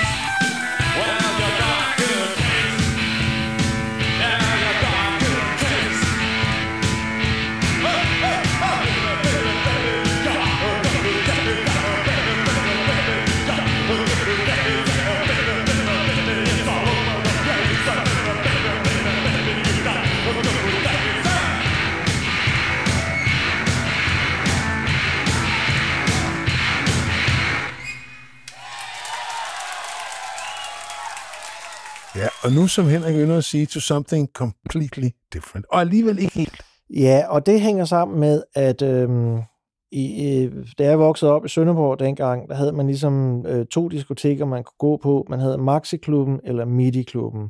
og fordi at jeg ikke var så gammel, så skulle jeg på Midi-klubben. Men det fede var, at i Midi-klubben, der spillede de faktisk ret fed musik. Og de spillede, øh, ja, selvfølgelig Madonna, og det er derfor, vi skal høre den, fordi at der er, det er nok der, jeg hørte den første gang, tror jeg. Og der sidder man jo der og er lidt forelsket i, du ved, hende man går i klasse med, eller fra den anden klasse, Ja, og klassen, ja. det hele gav bare mening, og det gav også bare mening med, at det var fede numre til at danse til. Og det var ligesom min første introduktion til Madonna, hvor jeg sådan tænkte, igen, ligesom vi har haft mange gange før, du ved sådan, hvad nu det her for noget musik? Fordi at nu bliver det igen sådan lidt sådan stift i det på en eller anden måde, men nu er der lige pludselig en pige, der synger, og hun synger i grunden ret fedt, og det er super melodisk, eller øh, melodisk, Ja. og det var, ikke, det var ikke sådan en, man bare sad og lyttede på. Det var sådan, når den kom på, Ja. så blev man nødt til at gå på dansegulvet. Ja. Og man Sådan ville det sådan jo. nogle numre ej. kan jeg godt huske. Det kan jeg godt. Og det, er, det, altså, det var han jo ret god til, Nile Rodgers, som har produceret det her nummer, og lave sådan Ja. nogle numre, som Ja, der er man simpelthen nødt til at ryste røven. Ja, det bliver man nødt til, ellers så kunne man sgu en tabe. Ja. Ja. Ja. Så, øhm, så ja, igen, du ved, et nummer, der har betydet utrolig meget for mig, fordi at, at så var jeg jo interesseret i, jamen, hvem er hun? Og så over på biblioteket og låne pladen, og, og så ligesom bare i stort set bare følge hendes karriere derfra i Ja. virkeligheden. Det er jo også en sjov sang med Cheryl Girl, fordi det er jo sådan en ret tidlig eksempel på det, man i dag kalder empowerment. Det der med at, at tage den på sig, ikke? Altså, Jo. hvor hun, hvor hun bare, siger, jeg vil bare have Ja. det hele, og samtidig er den jo også lidt ironisk på en eller anden måde, Ja, ja. fornemmer Ja, man, ja. ikke? Altså, Jo, Det tror jeg helt Ja. sikkert, den var. Ja. ja, ja. Det er også Like a Virgin, ikke? Altså, da jeg første gang jeg hørte den, der synger hun det. Like a Virgin, touch for the very first time. Så der er fed diskussion, der er Reservoir Dogs, hvor de sidder og diskuterer sig og analyserer den. Det er Ja, skide- sjovt. Jamen, jeg kan også huske, at Richard øh, Godwin, han fortalte øh, historien om, øh, fordi da han startede Sire Records med Seymour og Stein, Ja, ja, ja. ja. Der, hvordan hun bare havde, altså hun, ville bare, hun skulle bare have en fucking sang ud på øh, Sire Records. Og og Stein var på hospitalet på det tidspunkt, sagde Richard. Og han havde det ikke særlig godt. Og hun kom hver dag ind på det der skide hospital der, og bare, du ved, sådan, gider du ikke godt signe mig? Gider mm. du Mhm. godt? Nej, jeg, jeg, jeg, er ikke vild med din musik og go, og jeg har det jo ikke godt. Altså, jeg ligger med slanger her og noget. Øh, Hvor han til sidst ligesom bare blev nødt til at sige, okay, okay, jeg, jeg, jeg, du, Bare for at få fred. Bare Ja, for at få fred. her, skriv under her, du ved, bare sådan, jeg kan... Øh, og det Hun var, startede jo også som trommeslager. Ja. Madonna. Ja. Faktisk. men han har nok ikke fortrudt, at han skrev den kontrakt. Ej, det tror jeg. det har han ikke. Ja, men Serial Girl, som var et stort single hit, men øh, pladen, som den kommer fra, Like a Virgin, var et endnu større hit. Den blev faktisk nummer et, både i England og USA. at den kom frem.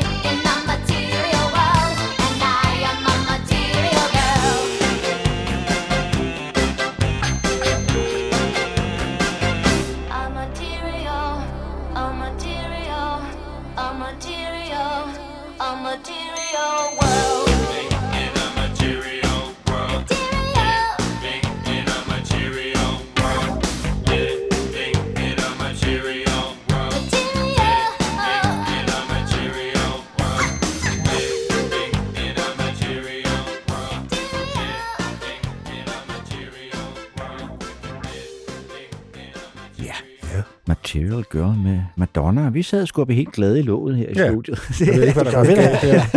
det, det, det, man får lyst til at danse, simpelthen. Og nu skal vi til en af alle tiders største rapper. Er der mange, der mener? Rakim? Ja. Bean og Rakim. Ja. Ja, Follow the leader. vi skal til Long Island, New York. Ja. Og høre Lyrics of Fury. Ja, igen, du ved, øh, det kan man ikke komme udenom. Jeg synes, altså, da man ligesom fandt ud af, at rap ikke bare var, du ved, noget, der gik væk i morgen, Ja så begyndte folk jo selvfølgelig også at blive dygtige til deres fag. Det er klart, at der, producerne blev dygtige, rapperne blev dygtige, alle de der ting. Og, øh, og en af dem, som stikker ud og gør det også i dag, og er også hele tiden på lister over måske de bedste rapper gennem alle tider, har altid været Rakim fra Eric B. and Rakim. Og jeg kunne have valgt en million numre, nu valgte jeg bare det her. Øhm, og igen, det er jo bare et af de der numre der, når man hører en mand, som har sådan et unikt flow i den måde, han leverer sin lyrik på, så kan man jo ikke andet end ligesom... Altså, jeg ville ønske, at jeg kunne sige danse, men, men øh, jeg stopper faktisk op, fordi jeg tænker, jeg skal lige Ja. virkelig, altså, er det, wow, hvad er det her? Og sådan havde jeg det også, kan jeg huske, da jeg hørte det for første gang, der havde jeg det også sådan lidt sådan, jamen det var slet ikke det, vi er vant til at høre nogle gange. Det har bare været anderledes, du ved. Mhm. Og så plus det der med, at ligesom med NWA, nu er de begyndt at sample og sådan nogle ting, så man har nogle super fede beats, og hvis man kender de gamle sange, har man selvfølgelig nogle referencer til det. Det havde vi jo ikke dengang, selvfølgelig, så jeg ved jo ikke, hvad de har samlet fra. Men man kunne bare høre, der skete et eller andet, udover, altså, man kan Ja, sige... det kan man jo slå op på nettet, hvad det er for nogle sampler. Ja, det kunne man jo ikke præcis, dengang. præcis. Altså, man kan sige- man vide det. Ja. Altså, der, er der er jo nogen, der mener, at, øh, og sådan vil det jo altid være, der er nogen, der mener, at Ice-T Six in the Morning for eksempel er måske den første gangster-rap, der nogensinde er lavet. Og det er jo altså virkelig bare stor trum, lille trum, og ham, der står og rapper inde i et, et echo chamber, ikke? Ja. Øh, og igen, super fedt nummer, men der er jo ingen tvivl om, at når man hører sådan noget som det her, så begynder det lige pludselig at blive for mig en kunstform. Ja. Ja, Det må du godt sige, der hvor det må du godt sige. Ja. Jeg kan huske, at det var det der med, fan var det, der var sådan et langt remix af in Full, som var super Ja, fedt. ja, det var... øh, Hvad fanden var det, der lavede det? Det var et kæmpe mega hit på dansegulvene. Co- en Cold Cold Cut. Ja. Det var Cold Cut, Ja. der lavede et virkelig fantastisk remix. Og hvis man købte den engelske presning, så fik man 12'eren med, Ja. ja. med remixet. Jo. Just saying. Helt En lørdag, ja. Ja. Det var tider. Vi skal høre Lyrics of Fury med Eric B. og Rakim. Året er 1988, og det blev udsendt som single, men er også på deres andet album, og måske nok bedste album, Follow the Leader. Ja, fantastisk. Ja.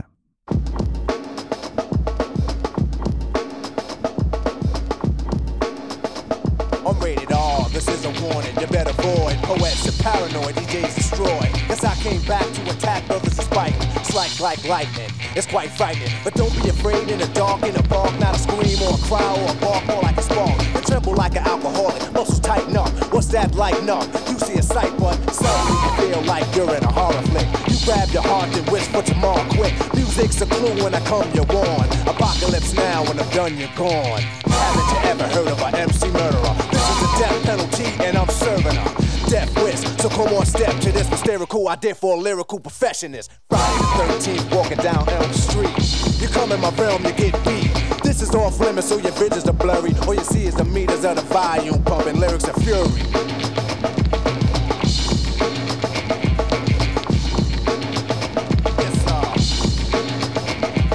A freestyle.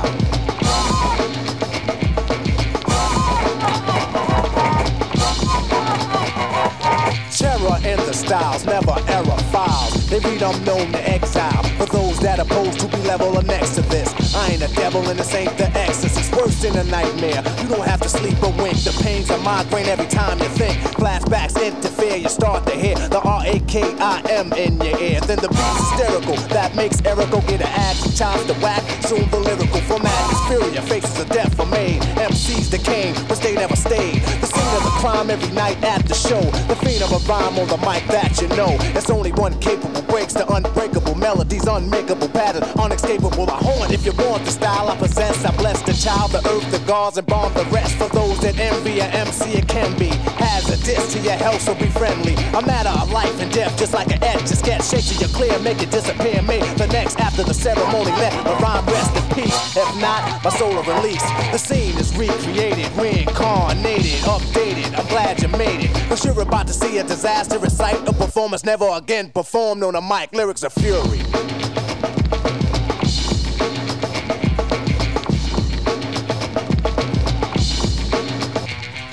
A feel freestyle.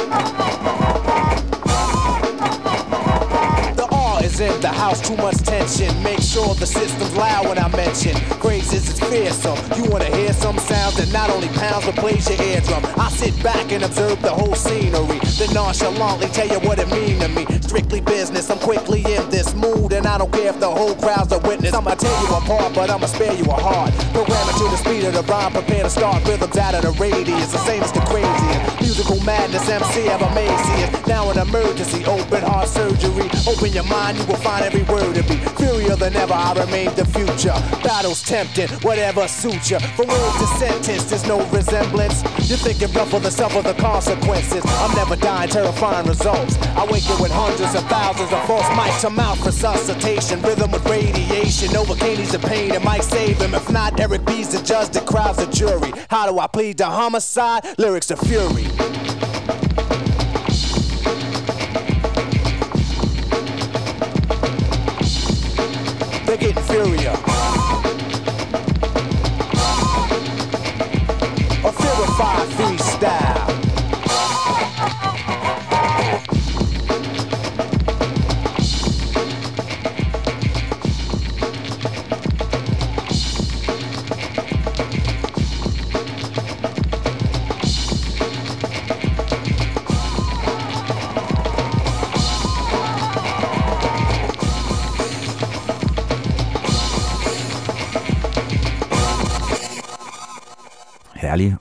Old school hiphop, ja. kan vi godt sige. Øh, det er nu, der når man får de her lister, Sune, så tit så er der sådan nogle numre, hvor man sådan tænker, Nå ja, det giver meget god mening, det her, eller det havde jeg, det havde jeg nok regnet med, at der kom øh, noget med, med den og den kunstner med på listen.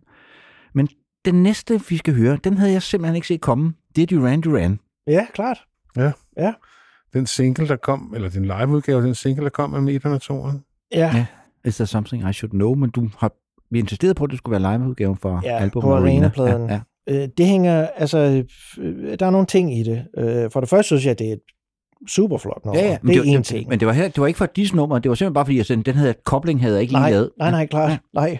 Men det er fordi, at øh, jeg tror, øh, nede i Sønderborg på det tidspunkt, øh, der var vi lidt på øh, forkant med øh, altså det, som der så kom senere, som jo var Britpop i 90'erne.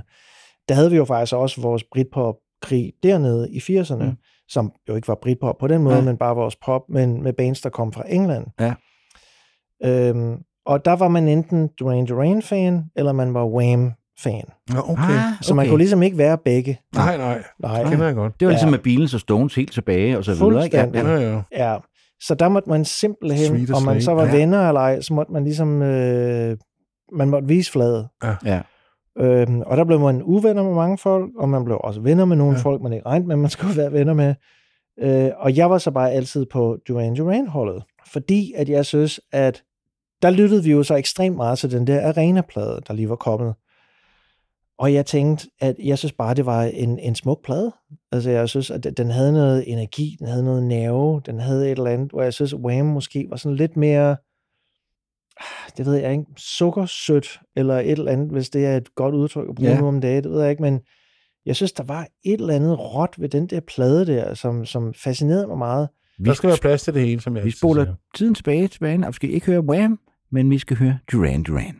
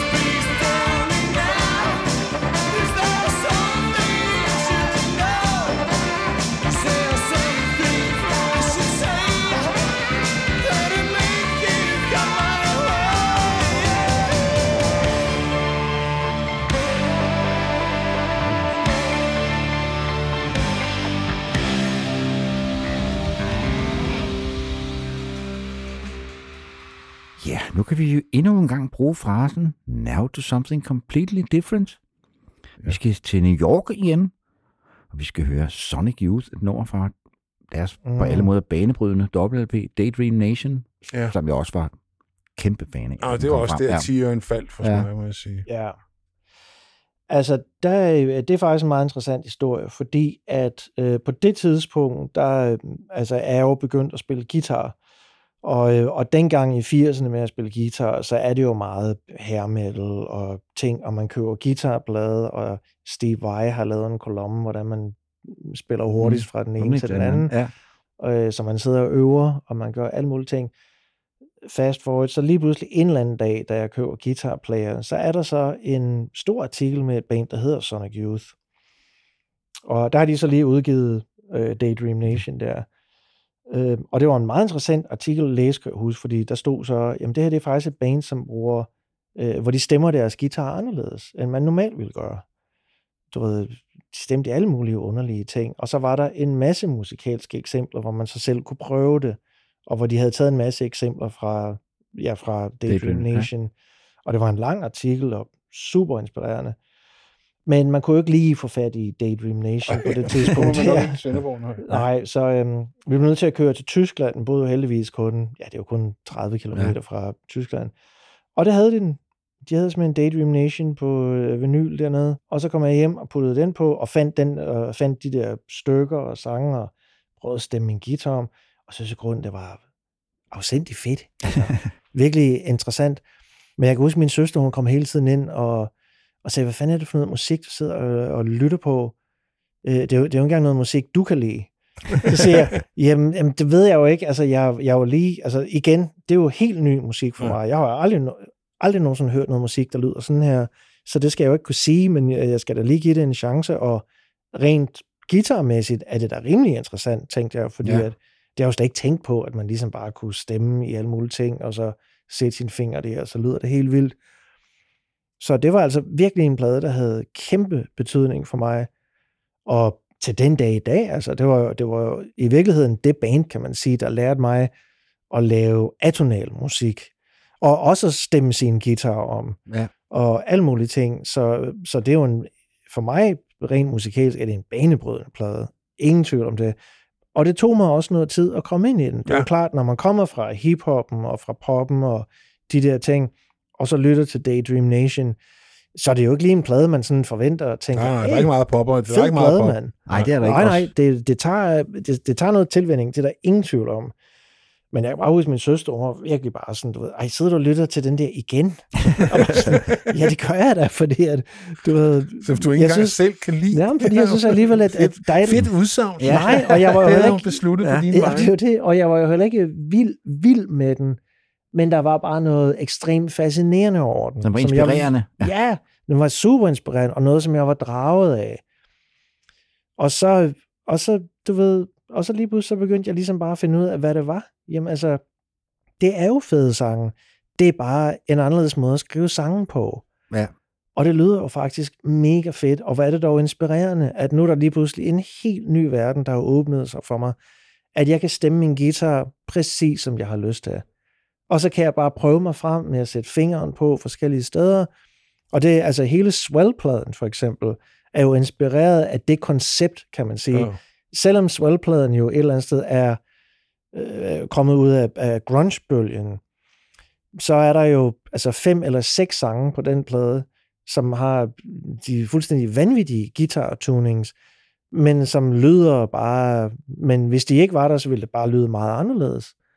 Men så den var, den var totalt inspirerende for mig. Hvordan, hvad gjorde du så live der? Der havde man vel ikke en... en Jo, der var, fordi der lå en fed guitarbutik over i Elmegade på det Ja. tidspunkt. Ja, det kan jeg godt huske. Ja, Fat, Bad and Dirty. ja, måske var det den hed, Ja. ja. men, og, hvad hedder det, og der kunne man altså købe en guitar for 400-500 kroner. Bare ja. et eller andet, du ved.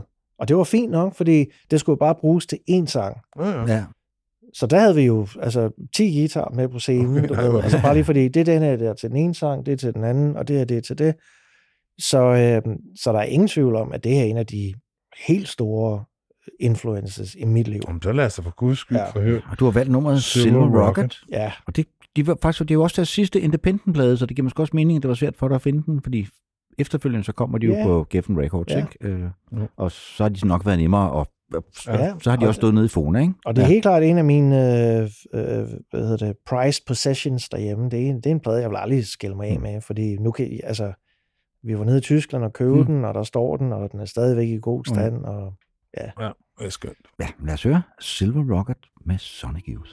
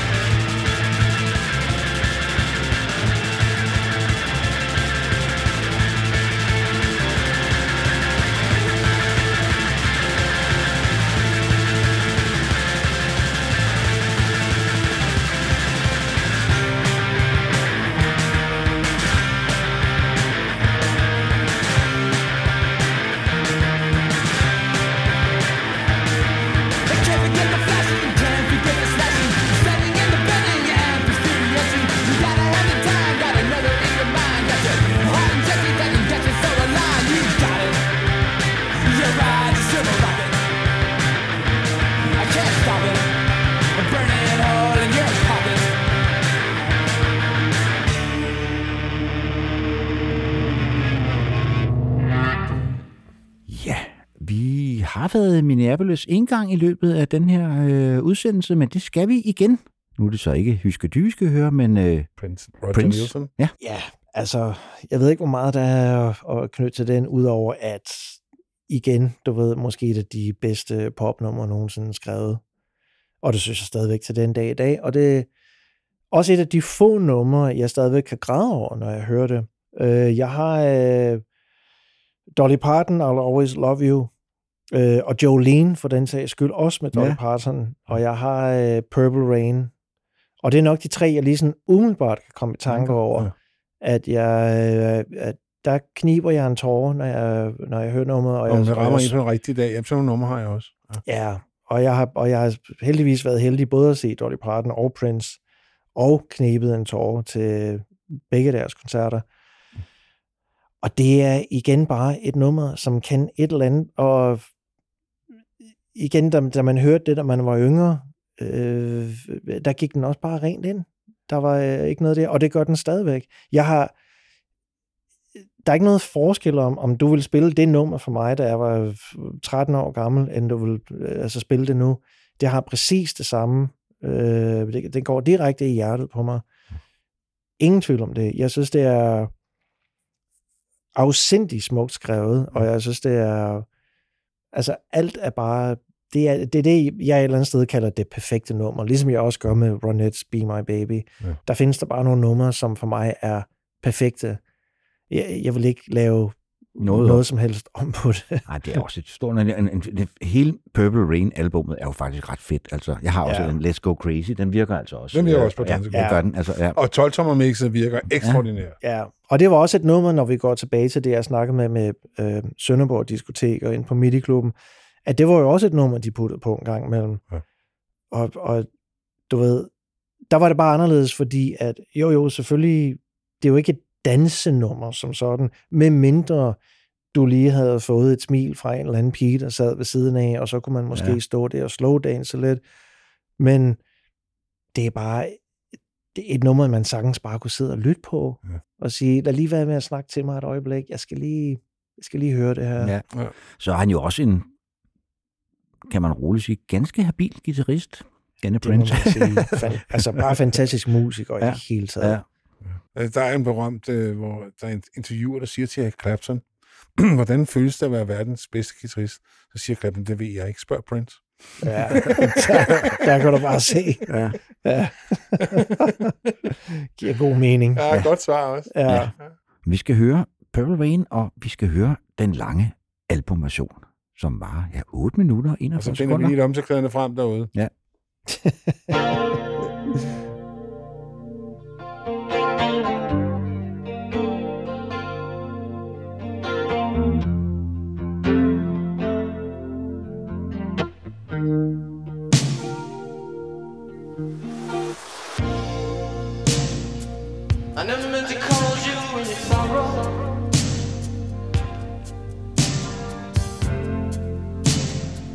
never meant to cause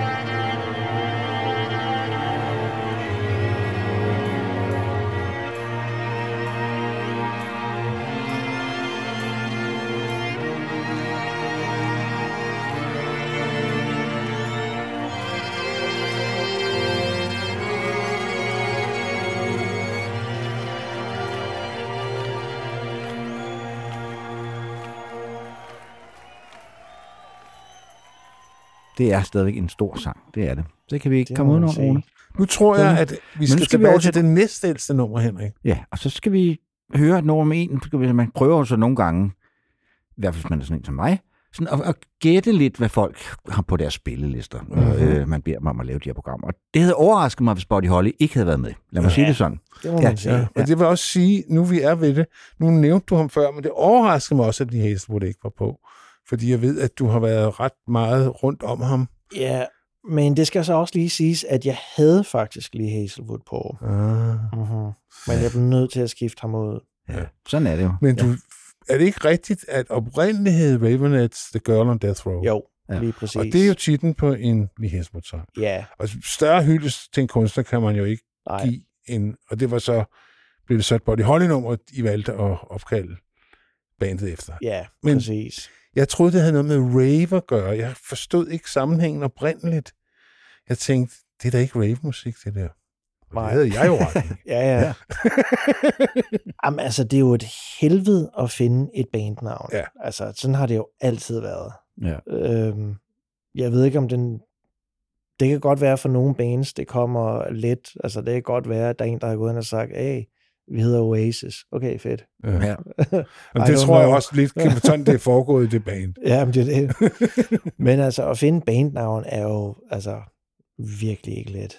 Det tog jo også. Vi hed jo både The Girl on Death Row og The Shades og sikkert noget andet også. Går jeg En af. Lou's helt unge, uh, Lou Reeds unge, ungskole, Ja. yeah. højskoleband hed The Shade. Ja, ja, præcis. Ja. Så øh, Jamen, der er jo, vist- der er også, der er også ret meget signalværdi i sådan en bandnavn, ikke? så det skal man jo også tænke lidt over. Ja, ja. Ikke? Og, Jo, jo, og, og kan jeg leve med det om 20 år? Og, ja, altså man kan sige, at vores navn endte jo så med at blive et navn, som mange folk havde svært ved at udtale, og det er måske heller ikke det fedeste ved at have et navn. Øh, men på det tidspunkt, der var jeg bare sådan, du ved, lad os bare tage, du ved, altså Ray Vaughan, fed Buddy Holly sang, Eds, The Marvelettes, Eds, The Ronettes, ja. du ved, altså, lad os bare komme videre. Ja. Ja. Men Buddy Holly og dig, what's the story? Morning Glory. Jamen, øh, øh, øh, altid elsket ham. Igen, det går tilbage til Sønderborg Bibliotek, hvor man øh, fik lov til at låne de gamle øh, compilation-plader, øh, som de jo havde rigtig mange af fra 50'erne og 60'erne og sådan noget. Og der var Buddy Holly altid på i en eller anden instans, om det så var Peggy Sue, eller Everyday, eller Wishing, eller hvad fanden det var. Og, og så var der selvfølgelig også, og det kunne jeg også lige så godt have taget, fordi der er jo så mange af dem. Der er jo også øh, Eddie Cochran, og der er Richie Valens og alle mulige ting. Men Buddy Holly, den, det var bare, jeg kan bare huske, at Everyday, det var den der med, som den, der var bare lige et eller andet ved den, du ved, igen, den havde ikke trommer på. Nej, han spiller på sin lår. Ja, og den var heller ikke akustisk som sådan, du Nej. ved. Og den havde bare et eller andet, som var... Og så fortalte den bare en, en super fin historie. Og, som man virkelig bare kunne forstå, og som man kunne forholde sig til. Og det var meget, meget simpelt gjort, og alligevel ikke. Og så øh, så jeg filmen også, selvfølgelig, uh, The Body Holly Story, øh, som jeg elskede, og til den der jeg også elsker med Gary Busey. Og, Jamen, det er også en af de bedre slags. Ja, jeg synes, det var en fantastisk biopic. på- Altså virkelig, virkelig skønt. Ja, før der altså. gik inflation i dem, ja. Ja. Så der har bare altid været et eller andet der. Men dengang, øhm, der kan jeg bare huske, og måske ikke lige noget med Body Holly at gøre på det tidspunkt, men bare lige for at, at sige, hvor meget han betyder for mig. Der var der jo sådan en kampagne med, altså Levi's lavede en kampagne dengang for øh, 501 jeans, hvor man skulle sætte sig ned i et badekar, og så shrink to fit. godt. ikke? Ja, ja. Og det, og det var faktisk nogle vildt fede kampagner, fordi de, de foregik alle sammen i 50'erne eller 60'erne, og de havde pissegod musik til dem. De havde jo øhm, Eddie Cochran's Come On Everybody, de havde uh, It's a Wonderful World med Sam Cooke, og de havde øh, I Heard It Through the Grapevine med Marvin Gaye og sådan nogle ting. Så, så de lavede en virkelig fed kampagne dengang. Men dengang, der kendte jeg jo ikke det der musik. Og jeg kan bare huske, da jeg hørte Eddie Cochran for første gang, så tænkte jeg, hvad helvede er det, og hvordan finder jeg nogensinde ud af, hvad det er? Så jeg sad jo op og hørte tysk radio hele natten, fordi nogle gange så spillede de de der numre fra reklamerne på tysk Ja. radio. Og efter en uge, så spillede de den endelig, og fandt ud af, at det var en, der hed Eddie Cochran. Mhm. Og igen, tag toget til København. Det var før Shazam. Ja, præcis. Øh, nu kommer jeg lige lidt ud af det. Men Body Holly har altid været den, der ligesom bare var størst for mig. Øh, At, at, at de er de, den første generation. ja, det, det, ja, det synes jeg. Altså, Det er altså han- også ret vildt kun at blive 22 år gammel, og så nå at skrive alle de sange, som han nåede at skrive. Altså, så mange Ja. gode sange. Jamen, det, jamen det, det er et utroligt øh, bagkatalog. Han Ja. har, altså, man skulle, jamen lige præcis, man skulle have troet, at han havde, ja, var 76, da Ja. han døde, eller sådan noget. Det er ret utroligt. Og jeg havde heldigvis, øh, eller vi havde i Ravenettes, og vi, vi skulle spille til en Buddy Holly øh, tribute inde på Rock and Roll Hall of Fame i øh, Cleveland, Ohio, hvor vi havde øh, Maria Elena Holly, øh, hvor hun hang ud med os i et par dage Nej, hvor vildt. og hvor, hun, øh, hvor vi var inde i de gamle kartoteker, som normalt ikke kan se, hvor hun ligesom kom ind og sagde, prøv at se, de her bukser her, dem havde Body på øh, første gang, han inviterede mig ud på en date, for eksempel. Nå. Altså, vi var helt derinde, okay. hvor det sådan bliver virkelig, virkelig personligt. Ja. Ja. Religier, hvad hedder det? religier? Ja. Mm. Ja, så øh, ja, men det har altid bare været den helt store for mig, og det vil altid være. Jamen, altså, så lad os da høre om Body Holly og nummeret Everyday, som er fra 57. Every day it's a getting closer, going faster than a roller coaster. Love like yours will surely come my way.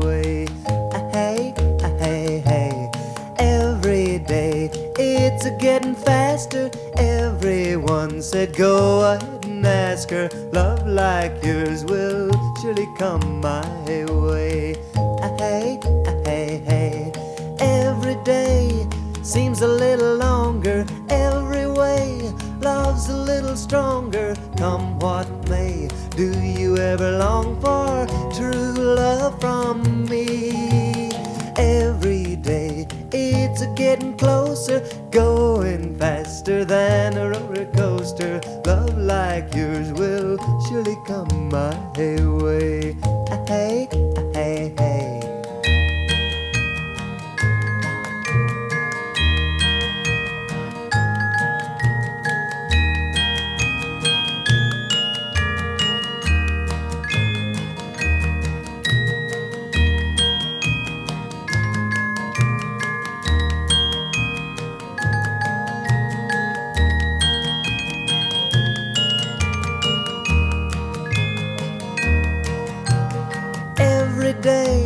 seems a little longer. Every way love's a little stronger. Come what may, do you ever long for true love from me? Every day it's a getting closer, going faster than a roller coaster. Love like yours will surely come my way. Ah, Hey, ah, hey, hey. Love like yours will surely come my way.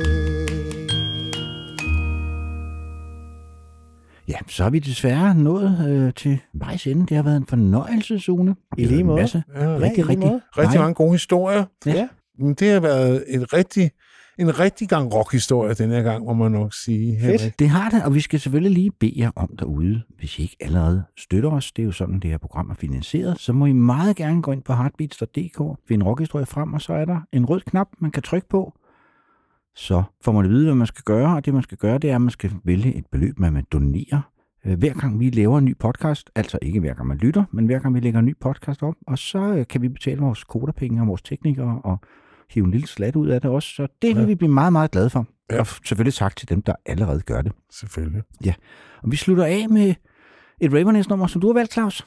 Ja, altså jeg har jo en svaghed for, for det album. Det mest poppede In and Out of Control, som Ja. øh, hvad hedder han, øh, Thomas øh, Troelsen Ja. produceret, og han er en poppedreng. Ja. Og det er jo en popplade, nok den reneste popplade, fordi I kan også godt lide at smide, du snakker om det atonale, og nogle lave sådan lidt øh, en pind i en kæp i julen en gang imellem. Men det er sådan en plade, der glider rent ud af højtaleren på en mærkelig måde, på den ene fede melodi efter den anden. Og jeg har så også en svaghed for Sharons stemme, så jeg har valgt et nummer, hun synger, Boys Who Rape Should All Be Destroyed, hvad vi nok godt kan blive enige om, er, Absolut. er en god hensigtserklæring. Ja. Det, er, det kan jeg ikke se noget galt i. Så det slutter vi af med, øh, og øh, ja, det har været en fornøjelse. Tak for denne gang, og på genhør.